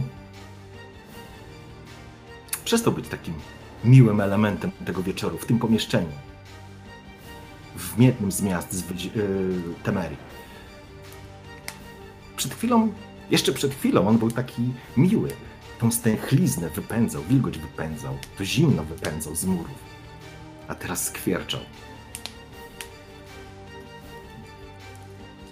Teraz skwierczał. Ale jeszcze nie doszliśmy, szanowni państwo.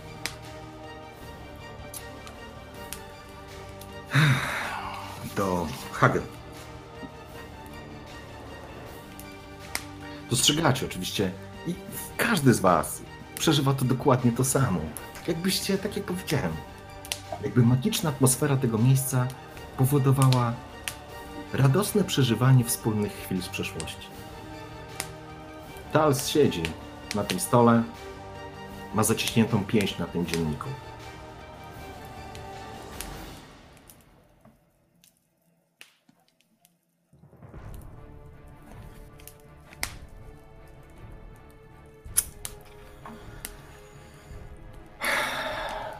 Ostatni obrazek, który pamiętacie, wychodząc ze wsi Mitzheim, to taka, taki krajobraz. Opuszczając tą drogę, płonęła wieś na nocnym tle. Nikt już nie krzyczał. Leżały ciała, trupy. A piętnastoosobowa drużyna szczapa wracała z dobrze wykonanego zadania.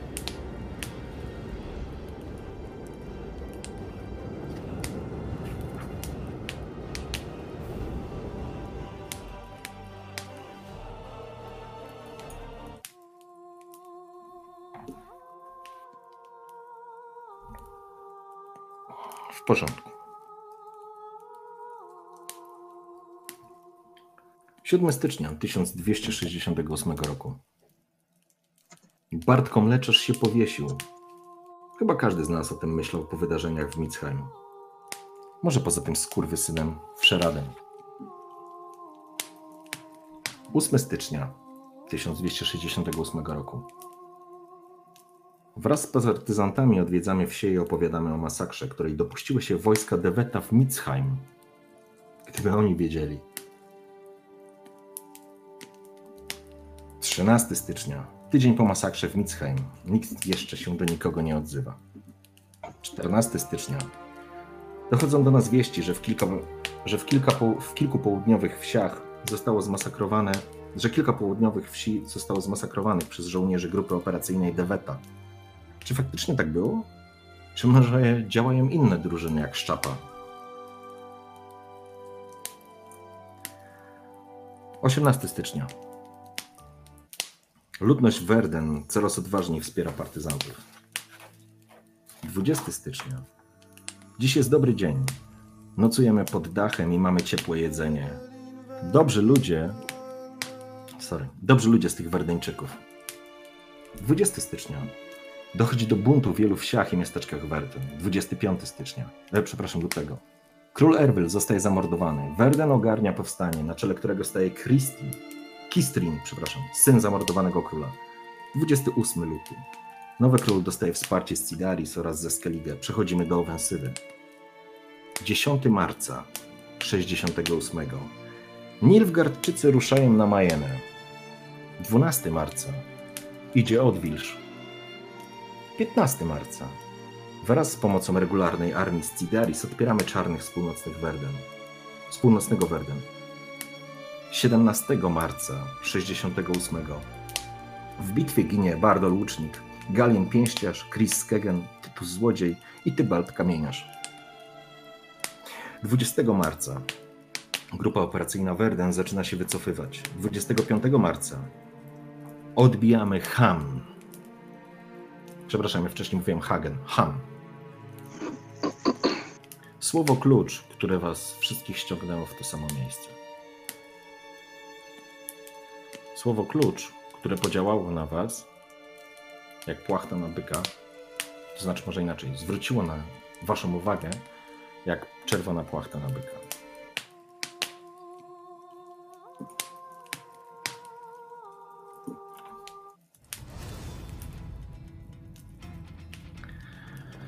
Hagen specjalnie się nie broniło. Znaczy po swojej stronie mieliście ludzi właściwie, dlatego też e, korpus nilfgaardzki właściwie nie stanowił wielkiego problemu. Ale to było, szanowni panowie, prawie półtora miesiąca po wydarzeniach w Mitzheim. Po tych wydarzeniach, do których nigdy ostatecznie nie przywykliście, a staraliście się od nich uniknąć. Jedyne, co wam cały czas w głowie, że tak powiem, się świtało, to uśmiechnięta twarz słomianego, waszego kaprala, który tak dobrze się bawił. I los chciał, że wasz oddział, już przetrzebiony, wymieszany, tak się ułożył, ułożył, że w czwórkę przemierzyliście jeszcze uliczki Ham. I w jednej z takich uliczek, wchodząc do budynku, znaleźliście się w doskonałej sytuacji, żeby wyrównać rachunki. Żeby dać upust temu wszystkiemu.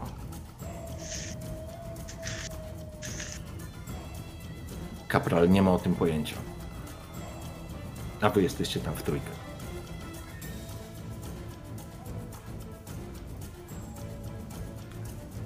Co robicie, szanowni panowie? Wasza decyzja. Bo żeby nie oszaleć, ani się nie powiesić, mieliście też okazję ze sobą porozmawiać. Rozmawialiście, wymienialiście pewne doświadczenia. Być może swoje, podzieliliście się częścią swojej historii między sobą. Tak robili wszyscy. Ale była grupa zwyrodnialców, którzy nie potrzebowali tego. na Melitele wy potrzebowaliście. To chyba oznacza, że jednak jesteście ludźmi, a nie zwierzętami. Bo słomiany nie jest człowiekiem. Jaką podejmujecie decyzję?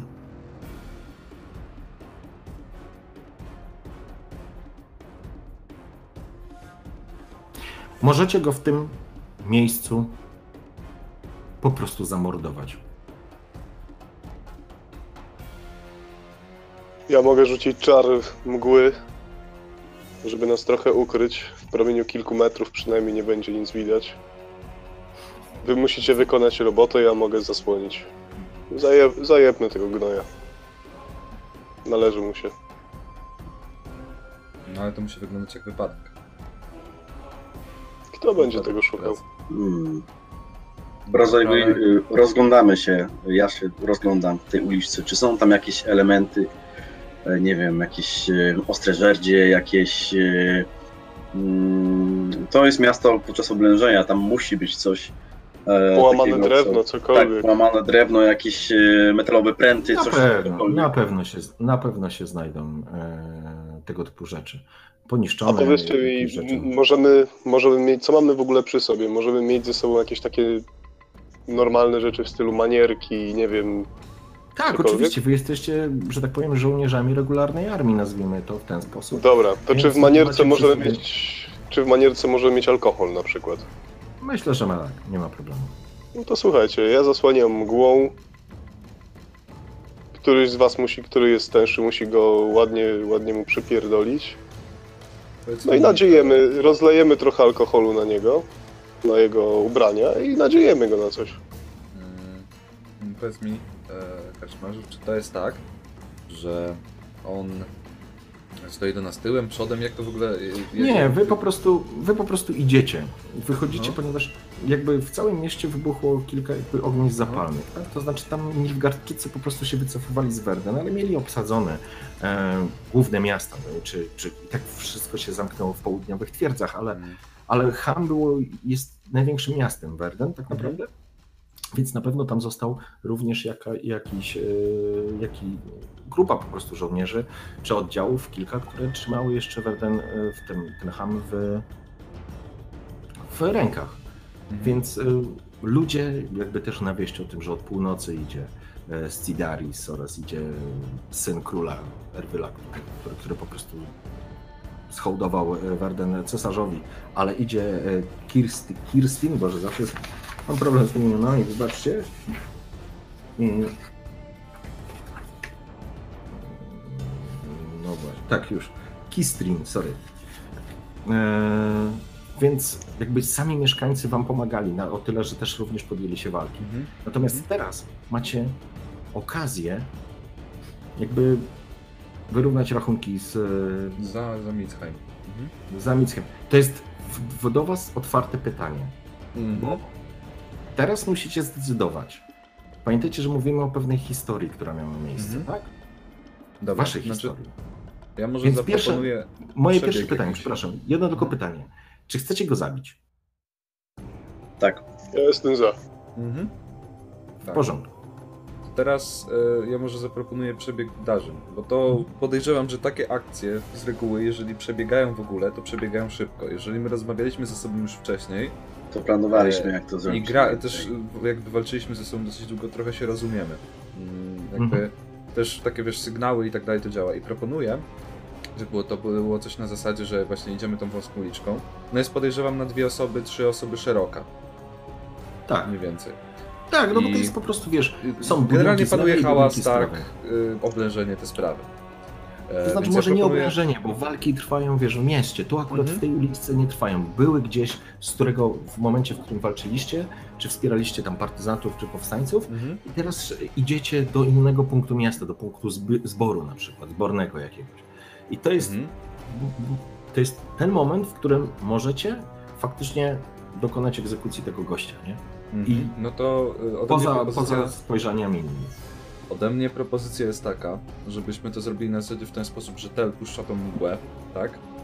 I podejrzewam, że ona nie jest instantowo tak, że pojawia się nagle po prostu mgła wszędzie, tylko ona się tak zaczyna lekko mgliście robić na początku, nie? I ona zaczyna gęstnieć dosyć szybko. Zdecydowanie nie jest to E, sytuacja, w której... I w tym samym momencie proponuję, żeby e, tutaj e, Donimir po prostu jakby porozumiewawczo ze mną już kiwnie głową, ja wyrównam krok z tym e, suchym blondynem, tak, z kapralem. Mhm. E, I w momencie, gdy Donimir go złapie, bo jesteśmy uzbrojeni, tak? Mamy broń wyciągniętą. Oczywiście, bo to jest walka. To Tak e, w momencie, kiedy Donimir go złapie, ja po prostu bardzo szybko, takim kró... bo, jakby wyrównam krok z nim, nie? I po prostu w momencie, kiedy Donimir go złapie, tak wiesz, żeby się nie mógł ruszyć, ja go grzmotnę e, głowicą miecza w skroń. W porządku. Krótka piłka, bardzo szybko, dosłownie ułamek sekundy, mgła zaczyna gęstnieć, Donimir go łapie, przytrzymuje go, żeby on się nie mógł ruszyć i koleś dostaje po prostu szybki cios w skroń, taki wiesz, pam. I od razu, e, żeby stracił przytomność, nie? Tak, wiesz, w skroń miękko. Rozumiem. Okej, w porządku. Dobrze. Rozumiem, że Tytal po prostu z, z, rzucasz zaklęcie. Kastuję, tak. Idziesz z tyłu, zaczynasz składać znaki. Mam rotać zaklęcie, koncentrujesz się. Po chwili czujesz, że energia przepływa przez twoje ciało. Jest, zaczyna się formować. Gdzieś powoli pierwsze takie pasma jakby dymu, później drugi. Mężczyzna, wy to też dostrzegacie i podobnie kapral. Jakby przez chwilę przy, zwolnił chód, jakby widział, jak że to gęstnieje. Spoglądać, wiesz, zaczynasz, no po prostu się obracać, co, co się właściwie dzieje. Panowie? Wyglądam na tak samo zdziwionego jak on. Rozumiem. Co się E, kurwa dzieje? Ja Kiedy powoli kapela- idę z tyłu, bo nie mogę, nie mogę niestety przyspieszać za bardzo podczas rzucania. W porządku. Ty Czy zaczynasz kapral ginąć ma, czy kapral ma wyciągniętą broń? Tak jak wy. Oczywiście. Ma jeden sztylet. Hmm? Obracaj. E, Co się stało? Co się dzieje? Kiedy się obraca y, tak, że mnie nie ma w zasięgu wzroku, y, wykorzystuję ten moment po prostu, żeby go dziabnąć po prostu w tą rękę, gdzie on trzyma broń, by mu wypadła z ręki. A następnie go biorę, chwytam tak, żeby nie mógł się ruszyć. W porządku. Ty siedzisz właściwie, ty już zostałeś zasnuty tą mgłą, która zwolniłeś, ona zaczęła, w świecie z- ukryła niemalże w całości. Mężczyzna się obraca, co jest kurwa? E, twój przyjaciel, Donimir, uderza mieczem w, w rękę, w rękę trzymającą sztylet e, kaprala, trafia go, słyszysz wrzask, co jest kurwa? Brzdęk lecącego metalu, próbuje go chwycić. Co robisz w tym momencie? Ja, tak? Mhm. E, W tym momencie, jak on go próbuje chwycić, no na pewno jest w jakiś sposób przechylony trochę do tyłu, no bo atak był od pleców, tak? Tak. No to ja wykorzystuję znaczy no z boku ten... mniej więcej, no. Mhm, no z boku. Wykorzystuję po prostu to, że ma jakby... e, jest wy, wygięte z położenia równowagi i mogę mu grzmotnąć po prostu cały czas tą głowicą, bo chodzi o to, że to jest bardzo szybki cios i on jest generalnie wycelowany, jeżeli on jest trochę za mną, bo jest pochylony do tyłu, to albo w oczy, w nos, wiesz, generalnie w te punkty czaszki, które po prostu e, spowodują jakieś poważne obrażenie, nie? I po, zaraz po Okej. grzmotnięciu, jak zobaczymy jakiś efekt, no to prawdopodobnie będę go po prostu próbował dobić, nie? Szybko, po prostu chodzi o krótką piłkę, tu żadnego jakiegoś miejsca na finezę. A nie lepiej, nie lepiej go właśnie solidnie walnąć w skroń, żeby stracił przytomność? No, skroń, żeby- czy oko, czy nos, to jest Zwłaszcza, wiesz, y, tak metalowym to kawałkiem, to jest później- myślę dalej efekt ten sam. No tak, tylko wiesz, pomyśl, pomyśl jakby dalej, że jak będą jakieś widoczne obrażenia, które no... Możemy w tym momencie, jak, go, jak będziemy go mieli nieprzytomnego, to możemy z nim zrobić wszystko, nawet upozorować coś i o to chodzi, bo później ktoś będzie go szukał i to pierwsze co pomyślą, to pewnie my, bo No tak. raczej wątpię, żeby nas nikt nie widział, więc lepiej go ogłuszyć i właśnie tak jak e, Donimir mówił, że lepiej go wyszukać jakąś, powiedzmy, podejrzaną cokolwiek, jakiś Mhm. kawałek drewna Cegłę, i cegłę na przewró- przewrócić go, na przykład cokolwiek, przewrócić go na to, tak? Tak, żeby się nadział, no bo wiadomo, że wtedy już się nie odratuje, a z drugiej strony nie będzie to wyglądało aż tak bezczelnie. Nie, przede wszystkim Dobrze. tym, co teraz chcę zrobić, to go obezwładnić, ale to Facet dostał już w to łapę. chodzi. Facet Tak. dostał już w łapę. E, Szlachetka chwyta go za szyję, przeplatając potężne niedźwiedzie łapę. wykręcam mu drugą rękę, tą, którą ma e, niezranioną. pró- próbujesz go złapać za drugą e, rękę, coś tam harknął, natomiast Sigmund uderzasz go e, głownią głownią miecza w skroń. Uderzyłeś. Cios był mocny, traf, trafiony i celny. Mężczyzna dostaje, odskoczyła jego głowa a, i stracił przytomność. Mgła się cały czas unosi. E, czy dookoła widzimy gdzieś jakieś otwarte drzwi budynków, wyważone cokolwiek? Tak, Znikamy z ulicy, z, wiesz, bierze, z, do nimi złap go po prostu i wniesiemy go do tego budynku na prawo. Biorę go.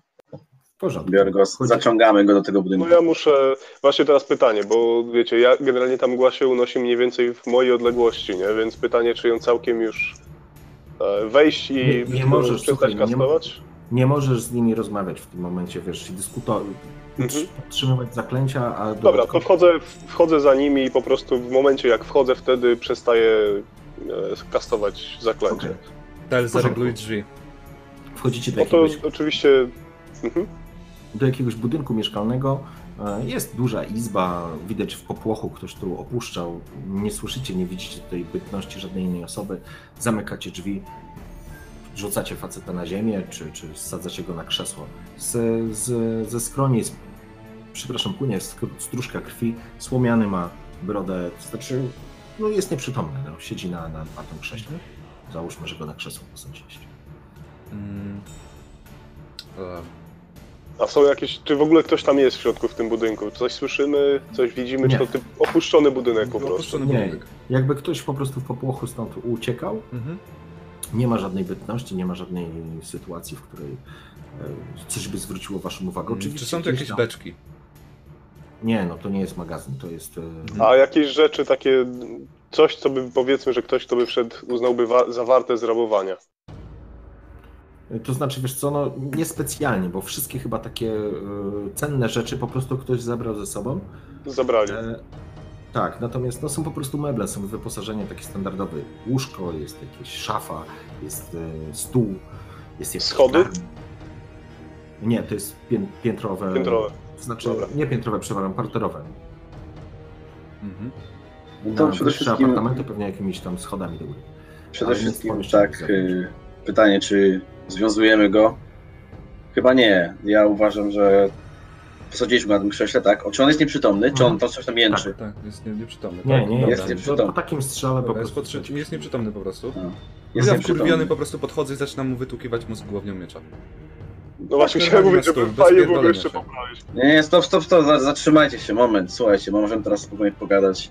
Poczekaj, Eee. jedno uderzenie, bam. Drugie Bam. uderzenie, bam. Bam. A blo blokujesz Sigmunda? Blokuję, blokuję, zostaw, zostaw go, czekaj. Nie. To ja Zaczniecie, podchodzę mu, sprzedaję mu kopa w jaja jeszcze tak profilaktycznie. E, w porządku. Trzy mocne uderzenia w głowę, e, głownią.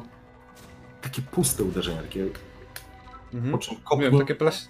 ciche E, plaśnięcie po prostu. Tak, po czym kopnie, kopnięcie tala wywraca się ciało, że tak powiem, razem z krzesłem. Po prostu wywraca się na ziemię. On nie odzyskał przytomności. Twarz ma zalaną krwią. Dobra, kurwa, stop, czekajcie, zatuczycie go. Taki A- był plan. Taki był plan, ale ja uważam, że co to da, że go Zebrało ci się kiedy- szlachciurko teraz na pomysły jakieś? Jak już Kurwa. obtłupliśmy kaprala? To wszystko nie ma być tylko zabicie go. Mogliśmy równie dobrze go przebić mieczem. Ja to mogłem zrobić w tej mgle i byłby spokój. Zobacz, ta szlachciurkowi zebrało się teraz na mora- moralizatorskie gadki.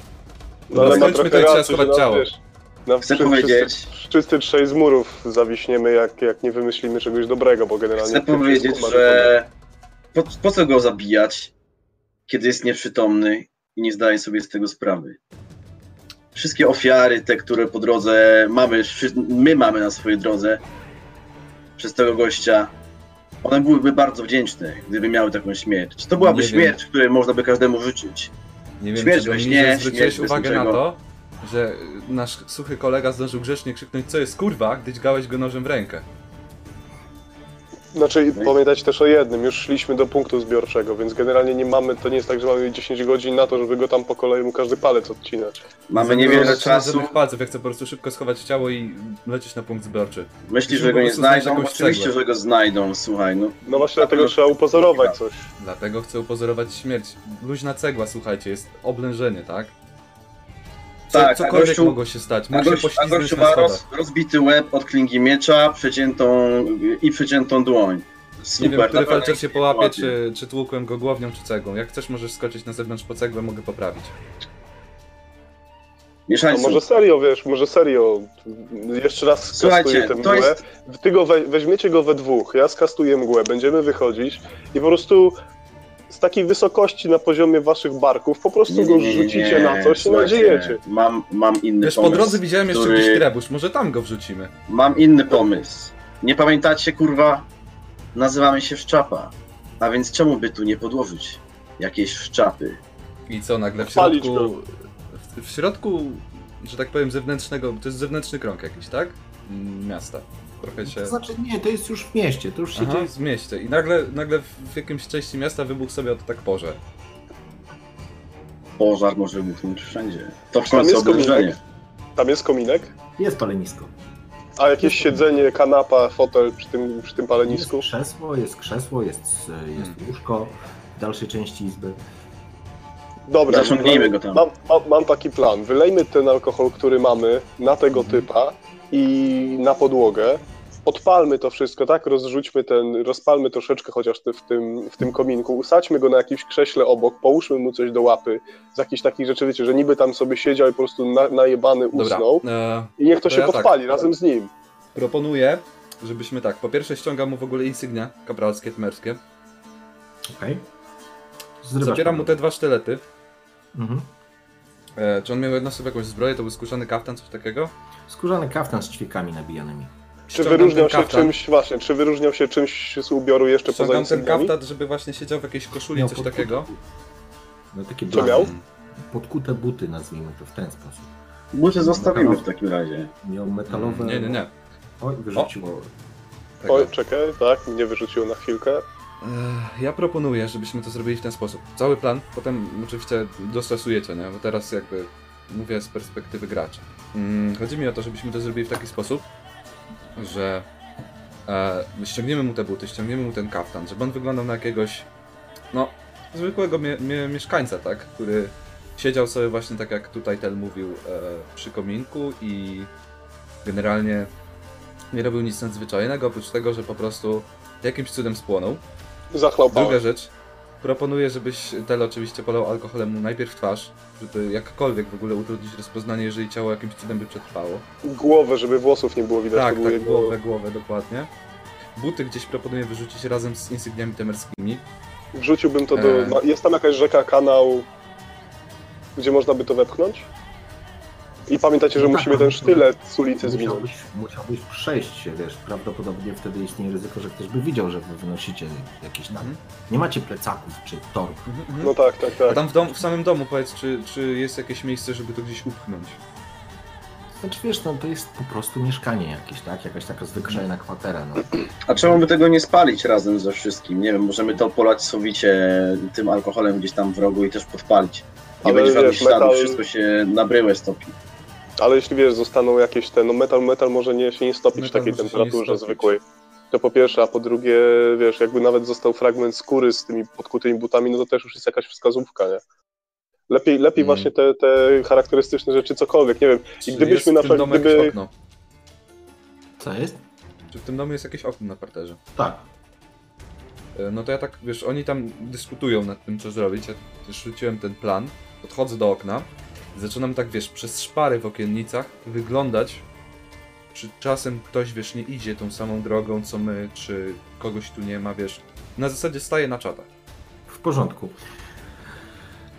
Nie dostrzegasz Dobra. nikogo czy niczego, kto mógłby tu pójść, ale faktycznie przedłużający się proces myślowy nad tym tematem w, tutaj, w tym miejscu, może doprowadzić Skracajcie, skracajcie chłopaki, naprawdę. Dobra, no ja- ja robię to, co- piłka. Robię to, co mówiłem. Zbieram te nasze manierki, wylewam cały alkohol, jaki jest, zaczynając od głowy, Zostaw żeby go trochę, polać. zostaw trochę. Troszeczkę Zostaw trochę u każdego tak. alkoholu. Okej? No tak, w sumie racja. Dobra, zbierzmy cały jego po prostu sprzęt do wora i zdecydujemy, co z tym zrobić, jak wyjdziemy stamtąd. Mamy wór. Możecie wziąć, jakiś, możecie wziąć jakiś koc, który leży. Czy jakaś, bierzmy- czy jakaś, wiesz, czy poza tym jeszcze jakieś cechy charakterystyczne albo przedmioty charakterystyczne, typu wiesz, no zwykły mieszczanie raczej by nie miał wojskowego miecza albo sztyletu. Nie, nie, nic takiego, co by mogło, wiesz, rzutować nie miał żadnej biżuterii takiej widocznej, Mhm. czy pierścieni, czy jakichś ozdób, które można, Mhm. można byłoby, wiesz, Mhm. w jasny sposób Jasne. wskazać. No dobra, Czy mamy, mamy przy sobie jakąś linę, coś takiego, czy nie za bardzo? Liny na pewno nie macie. Nie mamy. Mm, dobra, ja proponuję tak. y, musimy go czymś przyszpilić tutaj do, nie wiem, do, do któregoś mebla, jakoś go przywiązać, albo może przyszpilić do ziemi jakimś Jeżeli mamy ostrzem. go palić, to ja mogę równie dobrze mu przebić szyję w tym momencie i krótka piłka i lecimy stąd, bo po prostu Ale już tracimy chodzi o- za dużo czasu, panowie. Chodzi o to, żeby się obudził, żeby wiedział, kto. ale nie, bo wiesz, jak się Nie, obudzi, to nie wiem, nie chcę, nie chcę wisieć za twoje perwersje związane z torturowaniem Londyna. Ty, chłop, kurwa. Mogliśmy to zrobić od razu, załatwić go i po sprawie, nie wiem, pociąć zwłoki, schować je do jakiejś beczki. Dobra, fu, A wy, ale stałeś wtedy o maj tak było- jak byliśmy w Mitzheim. więc Świnią na teraz. pożarcie. Ty, ty się, wiesz, ty w tym siedziałeś od małego, więc się nie odzywaj. Kurwa, nie pamiętasz, kto ci dupę ratował. Także On mi dupę ratował, bo sobie nie chcę, chcę, żeby widział, że to my, okej? Chcę, żeby patrzył na nas, kiedy płonie. Ale No to jest, to jest prostsza rzecz. Przytrzymujecie go we dwóch na krześle, w jakiś sposób go cucimy, w tym momencie go podpalamy i podrzynamy mu gardło jednocześnie. Pozdrawiam. Jeszcze żyje, jeszcze nas Panowie, widzi, a już Chcecie, płonie. ob- chcecie cucić człowieka ze strzaskaną czaszką, naprawdę, pozdrawiam. Najlepsi felczerzy nie ma Damy radę, damy radę. Damy Panowie, radę, musi- kurwa. Musicie Dexter się- 101. Nie, dobra, słuchaj, ja po Musicie- prostu Dobra, nie ma podpalam czasu, tego faceta. okej. Podpalam Jebać tego to. faceta i wychodzi. Podpalać go, no dobra. Dobra, podrzynam mu gardło i podpalamy. Nie, zostaw, zostaw, podpalaj i, i uciekamy. Nie, się dobrze, zaraz to wszystko poderżnij, zajmie. poderżnij, poderżnij, poderżnij, poderżnij, poczynaj. go. Ale to po co mam Podrzynam wypalić w mu to takim razie? gardło, Dobrze, i wychodzimy. Dla żeby nie pewności. było tych porządku. śladów. Si- Sigmund wrzeszczy, zabij go, zabij go. Zabij go, Tam kurwa. podchodzi, podchodzi, z- wyciąga nóż i po prostu przeciąga mu po gardle. Blu- Bluzga krwi od razu, bucha z otwartych arterii, a w tym samym czasie w tym samym czasie podpalacie go. Za- Zakładałem, że rozpaliliście sobie coś, żeby go po prostu podpalić. Już No nie tam szlachetka co- coś tam krzesał sobie. W każdym Nie razie ginie. pod, podpali, podpaliliście go, ponieważ alkoholem był polany, ciało szybko stanęło w płomieniach i wypełniło całe pomieszczenie smrodem palonego ciała. Mówiąc wprost, opuściliście to pomieszczenie, nie ocknął się, że tak powiem, nie zrobił wielkich oczów, nie powiedział, a to wy. Nic takiego nie było. Po prostu po podrżnięciu gardła jego głowa opadła całkowicie na dół, zalała się, ta, tors zalał się krwią. Wy macie ze sobą buty, sztylety Insygnia i sztylet. i insygnia. Musimy coś z tym zrobić. Dobra, e, jak długa jest jeszcze ta ulica? To ma z, z Jest 10 jeszcze kilka innych domów? Tak. Jest jakaś rzeka obok coś? Ściek Nie. może? Mhm. Nic? Dobra. To po prostu, wiesz, idąc, jak idziemy wzdłuż tej ulicy, ja po prostu łapię te buty, wrzucam jeden, wiesz, gdzieś przez okno, gdzieś przez, przez drzwi, po prostu rozrzucam te przedmioty. Na zasadzie porządku. takiej, żeby one były jak najdalej od siebie. E, I w tym momencie, wiesz, po prostu poganiam, żebyśmy szli szybko i ustalam wersję, że e, po prostu e, gdzieś on, on się po prostu pośliznął na schodach, czy, czy, czy coś, czy spadła mu jakaś cegła na głowę, tak? E, co wolicie? Czego, co bardziej wam pasuje? Jakby, jaka wersja? Jakby upadł i sobie głupi ryj rozwalił, no. No to mi też się podobało, ale szlachetka to bym go chciał jeszcze cucić. E, no i bardzo dobrze, byłoby, byłoby lepiej moim zdaniem, ale dobra, chuj, nie mieliśmy czasu. Także zostawiliśmy to. Proponuję tak, Mhm. po prostu usłyszeliśmy coś, e, jakiś, jakiś raban, jakieś odgłosy walki, każdy pobiegł, po prostu rozdzieliliśmy się, a następnie, gdy się zebraliśmy w miejsce zborne, no to go nie spotkaliśmy, nie było go. Dobra. Dobra, Tal. Szukaliśmy, Poproszę- ale nie Tal, znaleźliśmy. poproszę cię o przysługę. Tal, jebnij mi. Tak. Jebnij No, mi. ale Tak jebnij pięścią, mu. jebnij mi. no dobra, podchodzę i mu tak. Dobra. Nie. Teraz powinien, wy, powinienem wyglądać trochę bardziej przekonująco. Słuchajcie, tłukliśmy się, rozdzieliliśmy się, tak?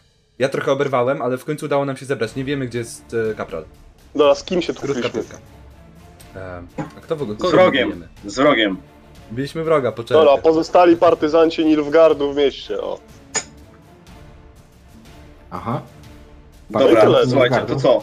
Bieg, e, biegniemy... Siły, kogo my bijemy? Biegniemy, bo już trochę czasu zmarnowaliśmy, wszystko wyjebane. Cały ten jego ekwipunek tego kaprala. W porządku. Biegniemy, tak? Mhm. Do, do, do miejsca zbornego. Okej. porządku. Pobiegliście do miejsca zbornego. E, faktycznie niedługo po tym całe miasto było popanowane już przez, przez siły e, nowego króla, nazwijmy to w ten sposób, króla powstańców. A kiedy doszło do, kiedy doszło do jakichkolwiek przepytanek dotyczących kaprala, bo w końcu zostało zauważone, że kapral nie wrócił, że nie ma kaprala, e, rozpoczęły się poszukiwania na zasadzie szukania informacji, co się stało, czy, czy ktoś coś był. I była faktycznie, było wskazanie, że jakbyście, wyglądało na to, że jest, byliście ostatnimi, którzy go widzieli żywi. Mhm. Żywego, przepraszam, nie żywy. Eee, I rozmawialiście o tym z, z waszym sierżantem. Sierżant Ralen a, zapytał tylko raz, czy mieliście okazję, co się stało, jak to się stało, jaka była wasza historia. Opowiedzieliście tą historię tak, jak przed chwilą to e, ustaliliście. Myślę, że w pewnym sensie ku waszemu zaskoczeniu Ralen w ogóle nie kontynuował tematu. Przyjął waszą wersję i zamknął temat. Coś knuje, kurwa. On chyba coś podejrzewa. Albo sam go chciał zabić, tylko wiesz. Dobra, ale jak olał, no to E, Gdyby było inaczej, to, to, to był, pamiętajcie, 25 marzec 1268 roku. To teraz nie mielibyście okazji siedzieć e, w tym zatęchłym pokoju Hmm. e, i zastanawiać się o co chodzi, ale z drugiej strony, teraz, kiedy mm, ten dziennik kończy się i już chwileczkę. Kiedy zapiski w tym dzienniku się kończą, bo przed wami po tym 25 marca były tylko jeszcze dwa wpisy. Po nim 30 marca Dewet wycofuje się na linię Jarugi, zostawiając obstawione trzy twierdze blokujące przejście przez, e, przez, przez rzekę. I 5 kwietnia wracamy do Mariboru. Przeżyło 7 z 15. Donimir Herz, Zygmunt Adeln, Telarat, Monk, Godzimir z Angernu, Bogdał z Brugge, Wszerat Rzeźnik i Anselm z Dorian. Z waszej piętnastki, tak jak powiedziałem, przeżyło 7 osób. I to były czasy, i to był, i to był moment właściwie przed zakończeniem wojny, bo niedługo po tym, po niespełna miesiącu, został podpisany pokój cypryjski, na mocy którego zakończono północną wojnę, drugą północną wojnę. Cintra dalej została w rękach oczywiście Nilfgardu, ale całe Soden się połączyło i górne i dolne i zostało przyłączone do Temerii. Każdy z was po tej wojnie przeszedł, poszedł w swoim kierunku i w swoją stronę. I na pewno po wydarzeniach e, w Verden, którego byliście świadkami, a wy jako postacie, czy jako, jako bohaterowie, jako, jako ludzie tak naprawdę, e, mocno się zmieniliście i, to będzie, i to jest też taki element, który będzie wpływał na to, w jaki sposób będziecie funkcjonować dalej. Póki co, na dzisiaj, siedzicie w tym samym pomieszczeniu, w trójkę. Kiedy po raz kolejny przeżyliście te wszystkie wydarzenia od e, 67 do 68, nie zamieniwszy ze sobą ani słowa, dopiero teraz, kiedy jakby ta cała historia po raz kolejny się przez was przelała, po raz kolejny się przewinęła, po raz kolejny ją przeżyliście,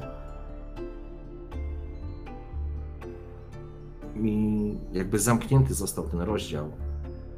Siedzicie i możecie w, po raz pierwszy tego wieczoru tak naprawdę zamienić ze sobą, za, zamienić ze sobą słowo. Jakby ten ciężki, ciężka atmosfera waszej historii przeszłości, którą teraz przeżyliście raz jeszcze, bo przeżywaliście ją bardzo, bardzo wiele e, razy jakby została za wami. Siedzicie przy stole, w dziwnym pomieszczeniu, w dziwnym domu, w którym tylko się pali kominek. W zatęchniętej sali. Jest noc. Mamy 1270 rok, dwa lata po wydarzeniach, czy półtora roku po wydarzeniach, które, które, które przeżyliście jeszcze raz dzisiejszego wieczoru.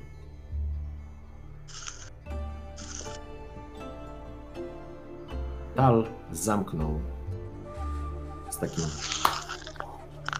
dźwiękiem zamykanej książki swój notes, czy tam swój dziennik. Nie widzieliście się właściwie od tamtego momentu. Po, por- po powrocie, kiedy tak naprawdę wojna została zakończona, e, dywizja biednej pierdolonej piechoty została rozwi- e, rozwiązana, a wraz z nią drużyna sztab.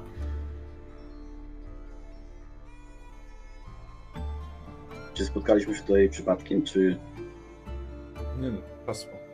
na hasło? Minęło 7 lat, tak? Mm. Dwa. Dwa, Dwa, proszę. dwa lata. Minęły dwa lata. Hmm. No to co panowie? Dwa lata jak z bicia strzelił, co? Jak ze szczapy daje- strzelił. Mi nie daje spokoju tylko jedna rzecz. Że tym pozostałym skurwysynom daliśmy żyć. Wszystkim sprawiedliwości nie wymierzysz. Sprawie Ale dobrze, żeśmy warto. tego, dobrze, żeśmy tego gnoja utłukli chociaż. Pamiętacie jak mu mózg wyleciał? Nie no, Tak, to było zajebiste. Donimir miał rację. Teraz trochę żałuję, że nie patrzyliśmy jak z otwartymi oczami pali się od spodu. Nie było na to Tak. czasu, ale Jednego nie skurwiela. zasłużył na tak łatwą śmierć.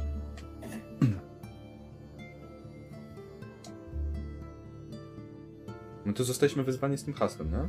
Tak, ale jakby. Ale to każdy z nas je usłyszał jakby oddzielnie. I, tak, oddzielnie. To nie jest tak, że byliście gdzieś razem. Mhm. Po prostu. Ale to hasło to było jakieś nasze umówione, czy, czy, czy nie, Nie, to wiem. jest ha- hasło było hasłem Ham, czyli jest to nazwa tego miasta, w którym zabiliście No tak, tak. Czyli to hasło, pamiętacie Han, tak? Usłyszeliście po prostu Ham. Zakład, że to ten sierżant pierdolony? Coś dziwne, że wtedy nam odpuścił. Nie wiem, jak wracam do tego myślami, wydaje mi się, że po prostu zbyt dużo rzeczy miał na głowie wtedy.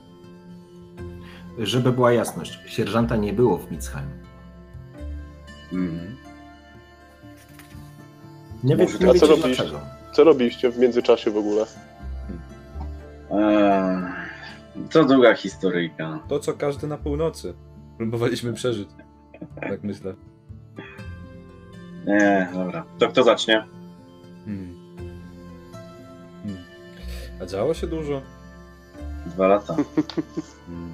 No, jak mówiłeś, jak z strzelił, ale was też podejrzewam tutaj ściągnęło to hasło. Ham. I tak jak żeśmy sobie tutaj, Tal, widziałem, przeglądałeś dziennik, tak żeśmy sobie tutaj podejrzewam wszyscy przypomnieli to, co się działo w Mitzheim i to, co się działo później.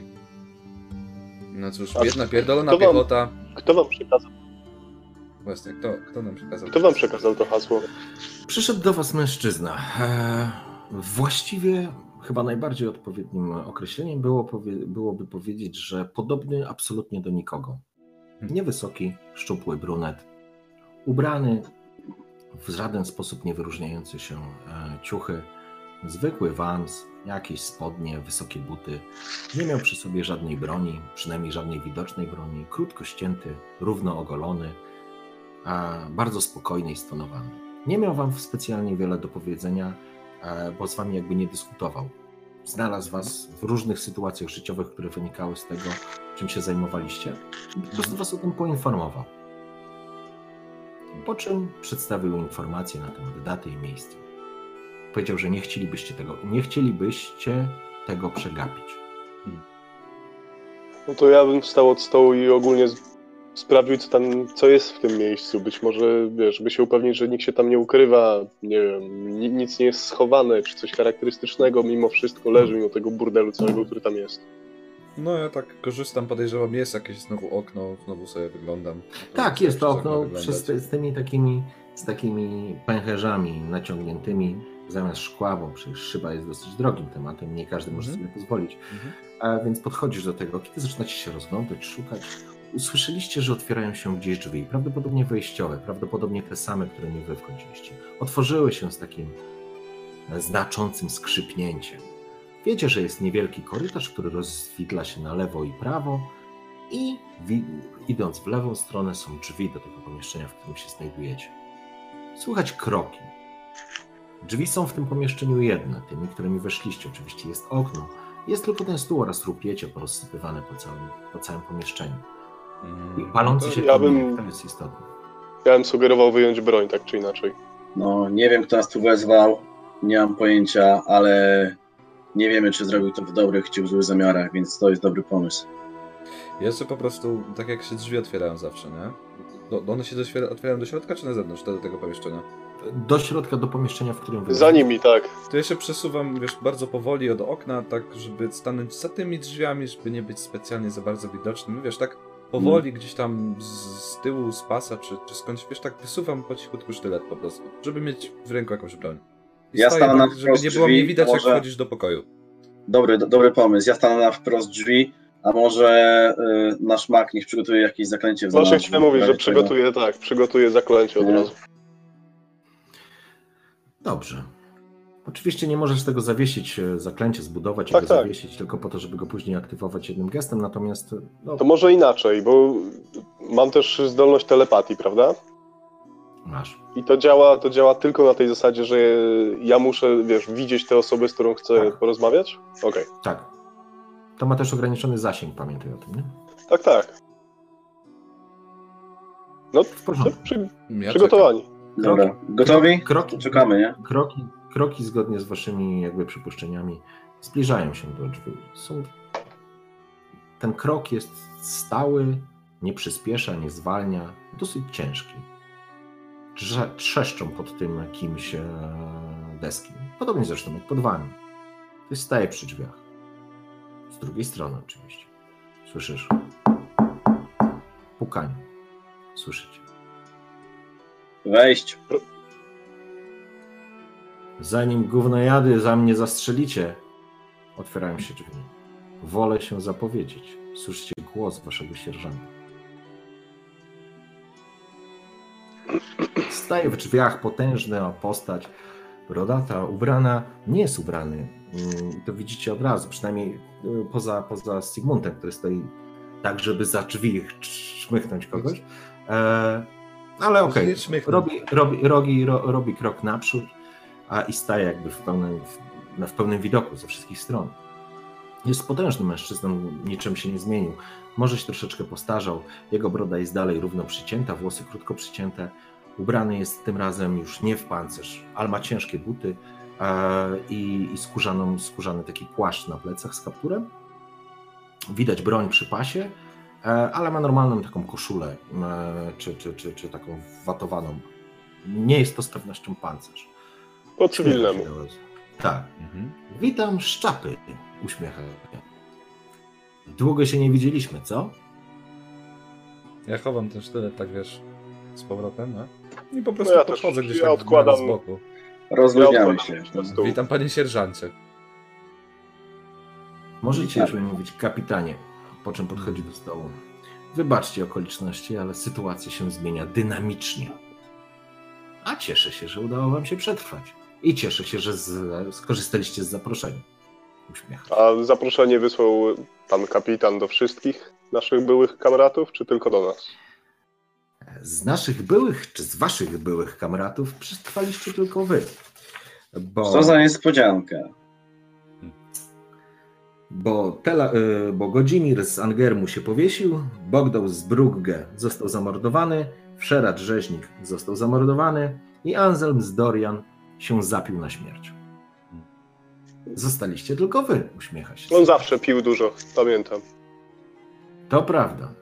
Niektórzy z was też mieli kłopot z alkoholem, prawda? Uśmiecha się i spogląda na szlachetkę. Ale cieszę się, że się nie zapiłeś. To bardzo Widzę, pan dobrze. kapitan sporo wie, jak na wojaka. Taka Czego od nas rola. chcesz? Taka Jak rozumiem, rola. pan kapitan nie odszedł z wojska po rozwiązaniu BPP. Nie, nie odszedłem. Dużo się zmieniło. To, że się zakończyła wojna, to naprawdę niczego nie oznacza, bo wojna tak naprawdę trwa nadal. I fajnie, że doszło do pokoju, ale nie łudźmy się, że pokój cyntryjski będzie trwał wiecznie. Nie wierzę w to, że Nilfgaard odpuści sobie i nasz jaśnie pan Foltest również nie wierzy. Bardzo Pan dużo kapitan wybaczy, pan kapitan wybaczy, że wchodzę w słowo, ale muszę zapytać. Słucham. Komu pan służy teraz? Oczywiście Temerii. Oczywiście Foltestowi. Oczywiście. I wierzę, że wy również będziecie dalej służyć swemu państwu. Uśmiecha się. Nawet jeżeli do końca nie jest twoim państwem. Co, szlachetko? Ale do Redanii nie masz po co wracać. A ty, synku? Co masz innego do zrobienia? Spogląda na ciebie Etal. Masz parę tych interesów, ale uważaj. Los pański na pstrym koniu jeździ, a pieniądze, które robisz na tych szwindlach, interesują wiele innych osób. I to też nie jest sytuacja, która jest odpowiednia. Musimy budować nasze państwo, a nie je rozkradać. A ty, Sigmund, kiedy w końcu zdechniesz w jakimś rynsztoku albo wykrocie? Kiedy podejmiesz się jakiegoś zadania, które cię przerośnie? Wasze życie musi mieć sens. Każdy z was w pewien sposób dołączył do armii po to, żeby coś sobie udowodnić, prawda? I ja wam daję taką okazję. I chcę wam. Taką samą okazję mieliśmy dawno temu. Nie jesteśmy już żołnierzami, ani ja, ani oni. Nie mam żadnych powodów, aby służyć Temerii czy jakiemukolwiek innemu państwu. Dobra, Co my będziemy z chwilę. mieć? Kapitanie, kapitanie. Ty, gówno ja. co, co, masz, co masz do mnie za sprawę? Co masz do nas Panowie. sprawę w tym momencie? Panowie, uśmiecha się. E, Donimirze, naprawdę? Jesteś przekonany? Bo ja jednak odnoszę wrażenie, że masz parę rachunków do wyrównania w Dredanii. Czyż nie? Czyż nie to było źródłem twoich wielkich problemów i kłopotów? I to nie o to chodzi, że wiem wszystko albo wiem wiele, bo nie przyszedłem was tu szantażować. Ale cieszę się, że zabiliście tego skurwysyna. Gdybym mógł, zabił go bym własnoręcznie. I nie pierdolcie mi głupot, że to nie wy. Specjalnie ustawiłem oddział tak, żeby dać wam na to szansę, bo wy byliście jedynymi, nazwijmy to ludźmi, w tym bagnie zwierząt i potworów. Więc nie, nie oczekuję od, te, od was tego, że powiecie, no należało mu się. Nie oczekuję, że się będziecie przyznawać. Absolutnie. Nie mówmy o tym więcej. Słomiany był skurwysynem. Ja tam jestem dumny. Uśmiecha się. Ale wiedziałem, że to spowoduje, że tu przyjdziecie. Tak jak powiedziałem, przestałem służyć w regularnej armii. I jestem teraz Wywiad służbą temerski lepiej płaci. Uśmiecha się. Jesteś błyskotliwy elfie. Półelfie, przepraszam. Powiedział półelfie, na pewno nie powiedział elfie. To dobrze, bo takich ludzi mi potrzeba. A co jeśli powiem wam, że wasze marne życie mogę przekuć, a właściwie wy możecie przekuć dzięki tej sytuacji i możliwości w coś, co ma znaczenie. W coś, co zbuduje więcej niż bitwa. Coś, co może zyskać dla Temerii więcej niż jakakolwiek wojna. Bo ta wojna trwa. A przeciwko komu byśmy działali? Przeciwko wszystkim, uśmiecha się. Po śmierci Wizimira do władzy niebawem dojdzie Radowid, o ile już nie doszedł. Radowid V Srogi, właściwie twój król, spoglądam na ciebie. Do Niemirze. Tylko przypomnę ci, kto go na ten tron właściwie wsadził. Jako małoletni zarządzał nim Dijkstra, szef wywiadu redańskiego, jednego z najpotężniejszych na tym świecie.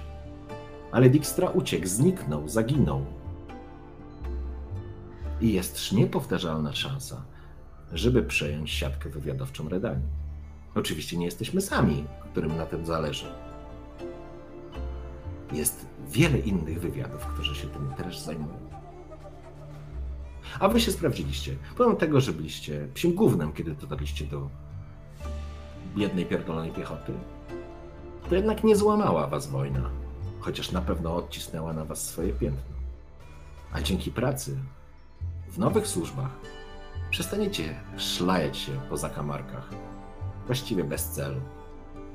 damy wam szansę na to, żeby dopiec tym, którzy wam kiedyś mocno przetrącili kręgosłupy. Znowu się uśmiecha do, do Nimira. Ale również odkryć parę kart we własnych życiorysach. Uśmiecha się z kolei teraz do Tala. Czy jakby udowodnić sobie nie tylko, że dla ojczyzny można zrobić dużo, dużo więcej niż nawet bohaterowie z pod sodem. I teraz spogląda na Sigmund. Hmm. Pytanie do Was. I to będzie test na Waszą błyskotliwość. Czy chcielibyście dołączyć? Poza oczywistym honorem i wielkim wyróżnieniem, co byśmy z tego mieli? Dobre pytanie. Dlaczego mamy w tym momencie zostawić nasze życia, jakiekolwiek by nie były, poza subtelnie ukrytymi groźbami? Uśmiecha się oczywiście zupełnie szczerze, nie ma tutaj jakiegoś takiej dwulicowości, przynajmniej tak brzmi. Dlaczego? Dlatego, że będziecie pracować w bardzo interesującym środowisku. Dlatego, że możecie liczyć na dobry żołd. Dlatego, że możecie spełnić swoje wewnętrzne potrzeby. A co z dotychczasowym życiem? Czy nie możemy zniknąć? kończy? Och. Nie możemy. zniknę. Ludzie Kto znikają szukał? cały czas. Kto będzie szukał Raupreitera, który demoluje niewinne karawany? Kto będzie szukał najemnika, który za parę orenów pójdzie na drugi koniec świata? A może z drugiej strony nikt nie przyjdzie po malwersanta, żeby zakuć go w kajdany? Jesteście mi potrzebni, bo potrzebujemy ludzi. Temeria potrzebuje ludzi. A wy się sprawdziliście.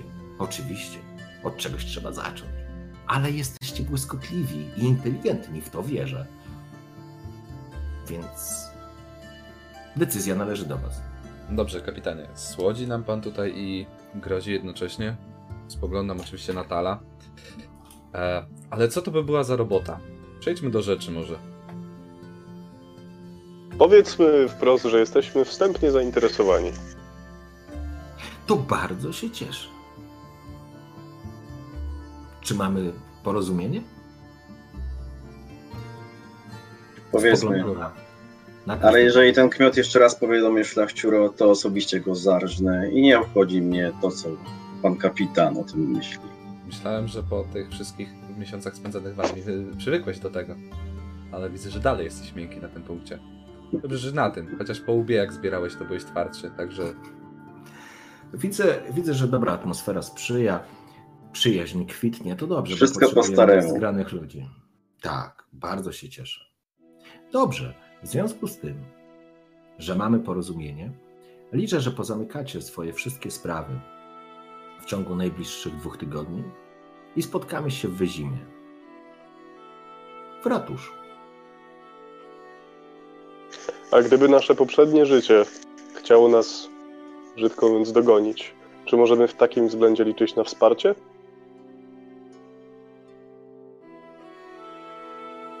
Spogląda się na siebie. Jestem przekonany, że dotrzecie do Wyzimy za dwa tygodnie. Dacie sobie radę. Natomiast, oczywiście, jeśli będziecie potrzebować jakiejkolwiek pomocy, możecie się powołać na mnie. Ale nie sądzę, żeby ktoś o mnie wiedział. Uśmiecha się. Ja nie mówię o oficjalnym wsparciu. Mówię na przykład o tym, gdyby jakiś zbłąkany kupiec chciał dotrzeć do osoby, która złupiła jego karawanę, albo jakiś niezadowolony kupiec, którego być może, jak to ładnie można ująć, potrąciłem troszeczkę bardziej niż powinienem, jeśli chodzi o marżę. Czy w takim razie, jeśli zgłoszą się za pół roku, za rok, za dziesięć, czy w takim razie też będziemy mogli liczyć na pomoc? W końcu Jeśli to mogłoby przecież- przerwać misję naszą, prawda? To mogłoby przeszkodzić. Misje w ramach e, naszych służb, służb, służb specjalnych oficjalnie nie istnieją, więc nikt nie może ich przeszkodzić. Natomiast nie martwmy się szczegółami. Absolutnie nikt o was nie będzie nic wiedział. Chyba, że zrobicie jakąś głupotę. Jaką mamy gwarancję, że nie jest to tylko podpucha, żeby, nie wiem, oskarżyć nas za to, czego oczywiście nie zrobiliśmy. Myślę, że jeżeli to byłby problem, to już dawno byśmy wisieli. Uśmiecha się, po czym wiesz, wstaje od stołu, spogląda na ciebie. Nie macie żadnej gwarancji. Ale czy mówiłbym o tym wszystkim wam, gdybym nie zakładał, że do mnie się przyłączycie? Przecież służby specjalne, one nie istnieją. Uśmiecha się. Za dwa tygodnie wyzimie. Trzymajcie się, gównojady. Wstaje i odchodzi. Zamykając za sobą drzwi. No to panowie, generalnie wszyscy wiemy. Oferta nie do odrzucenia. No nie wiem, Tal, czy długo byś pożył, gdybyś odmówił służby w temerskim wywiadzie. Szczególnie jako Za, plus.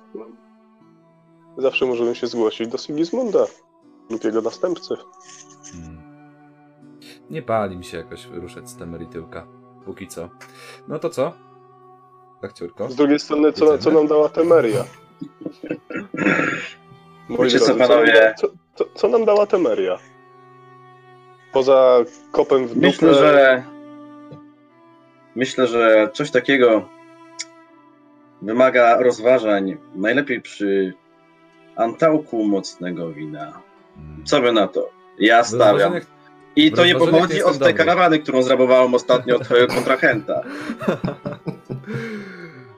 W rozważaniach nie jestem dobry, w myśleniu też nie. Często mi to przypominasz, Danimir, ale w antałkach to już prędzej. Możemy No to iść. co? Jestem za. W porządku. Panowie, i to jest end na dzisiaj. To jest end na dzisiaj. Mm, ja wiem, że to było bardzo nietypowe, bo tak naprawdę nie mieliście specjalnie dużo do gadania i nie była to taka standardowa sesja, do której moglibyście być przyzwyczajeni. Niemniej jednak bardzo mi zależało na tym, żebyście poczuli swoje postacie, mówiąc Nie każ mi czekać dwa tygodnie na kolejny odcinek, proszę. Nie, no, szybciej musimy to ogarnąć. Chłopaki, Także- jak stoicie jutro z czasem? Ej, Jutro- w sumie jest... Nie, nie jutro tak nie da źle. czasu. Słuchajcie, jutro naprawdę nie damy czasu. Przede wszystkim dziękuję wszystkim graczom, którzy dzisiaj jakby spędzili ten czas e, tutaj wspólnie. A wszystkim widzom. Wytrzymali, wytrzymali z trzema Nie. kulkami mistrzem gry. Mm. Tak. Generalnie Marcin jestem pod ogromnym wrażeniem e, storytellingu, bo po prostu No, ja w tym momencie, siedząc osłupiały i słuchając, przełączałem tylko między dźwiękami deszczu, palonej wioski i ogniskiem. Żeby do, Mhm. dorzucić do muzyki jeszcze jakieś dodatkowe tło, bo po prostu historia była genialna. Także ja w tym momencie, mój poziom zainwestowania w postać jest większy niż w czteroletniego Warriora w głowie. Dzięki pięknie. Nie, Myślę, no wiesz, że- generalnie jak się odzywałeś, to jak miałem nadzieję, że to nie jest do mnie, żeby po prostu siedzieć i słuchać dalej. Mam nadzieję, mam nadzieję, że po prostu gdzieś tam nie przesadziłem z drugiej strony, ale, ale faktycznie to, to znaczy to jest moja interpretacja świata Wiedźmina. On jest, Mhm. on jest po prostu taki. nie? I, i, I nie może być, i nie może być lekki, miły i przyjemny. Natomiast e, natomiast dużo mi pozwoliło, to znaczy dużo rzeczy fajnych wyszło dzięki tworzeniu postaci i, i, i naprawdę długo to trwało i, i pewne rzeczy musimy jeszcze podomykać, ale też mi zależało na tym, żebyśmy zrobili taką dwuetapową, e, dwuetapowy element, bo my teraz będziemy domykać te wasze postacie, bo to było Mhm. wprowadzenie, to, była, Mhm. to było jakby generalnie powinienem każdemu z was poprowadzić solo sesję. Mhm. E, Jak jedziemy, to widzimy.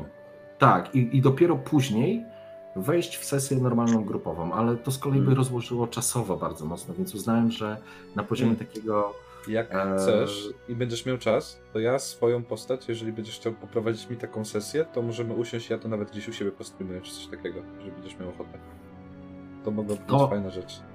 to, to sobie możemy jasno ustalić, natomiast najważniejsze, fajnie, cieszę się, że się podobało, mam nadzieję, że, że, że szybko teraz wrócimy jakby do tego tematu. No i w, teraz już wejdziemy w taką, nazwijmy to, standardowy układ sesyjny, czyli już nie będzie to, nie będzie to takie bardziej monolog niż sesja, ale, ale to wszystko jakby przed nami. Jeszcze raz Wam bardzo dziękuję, że znaleźliście czas I, I mam nadzieję, że nie uważacie, że zainwestowaliście go po prostu na próżno. Nie, no fajnie co?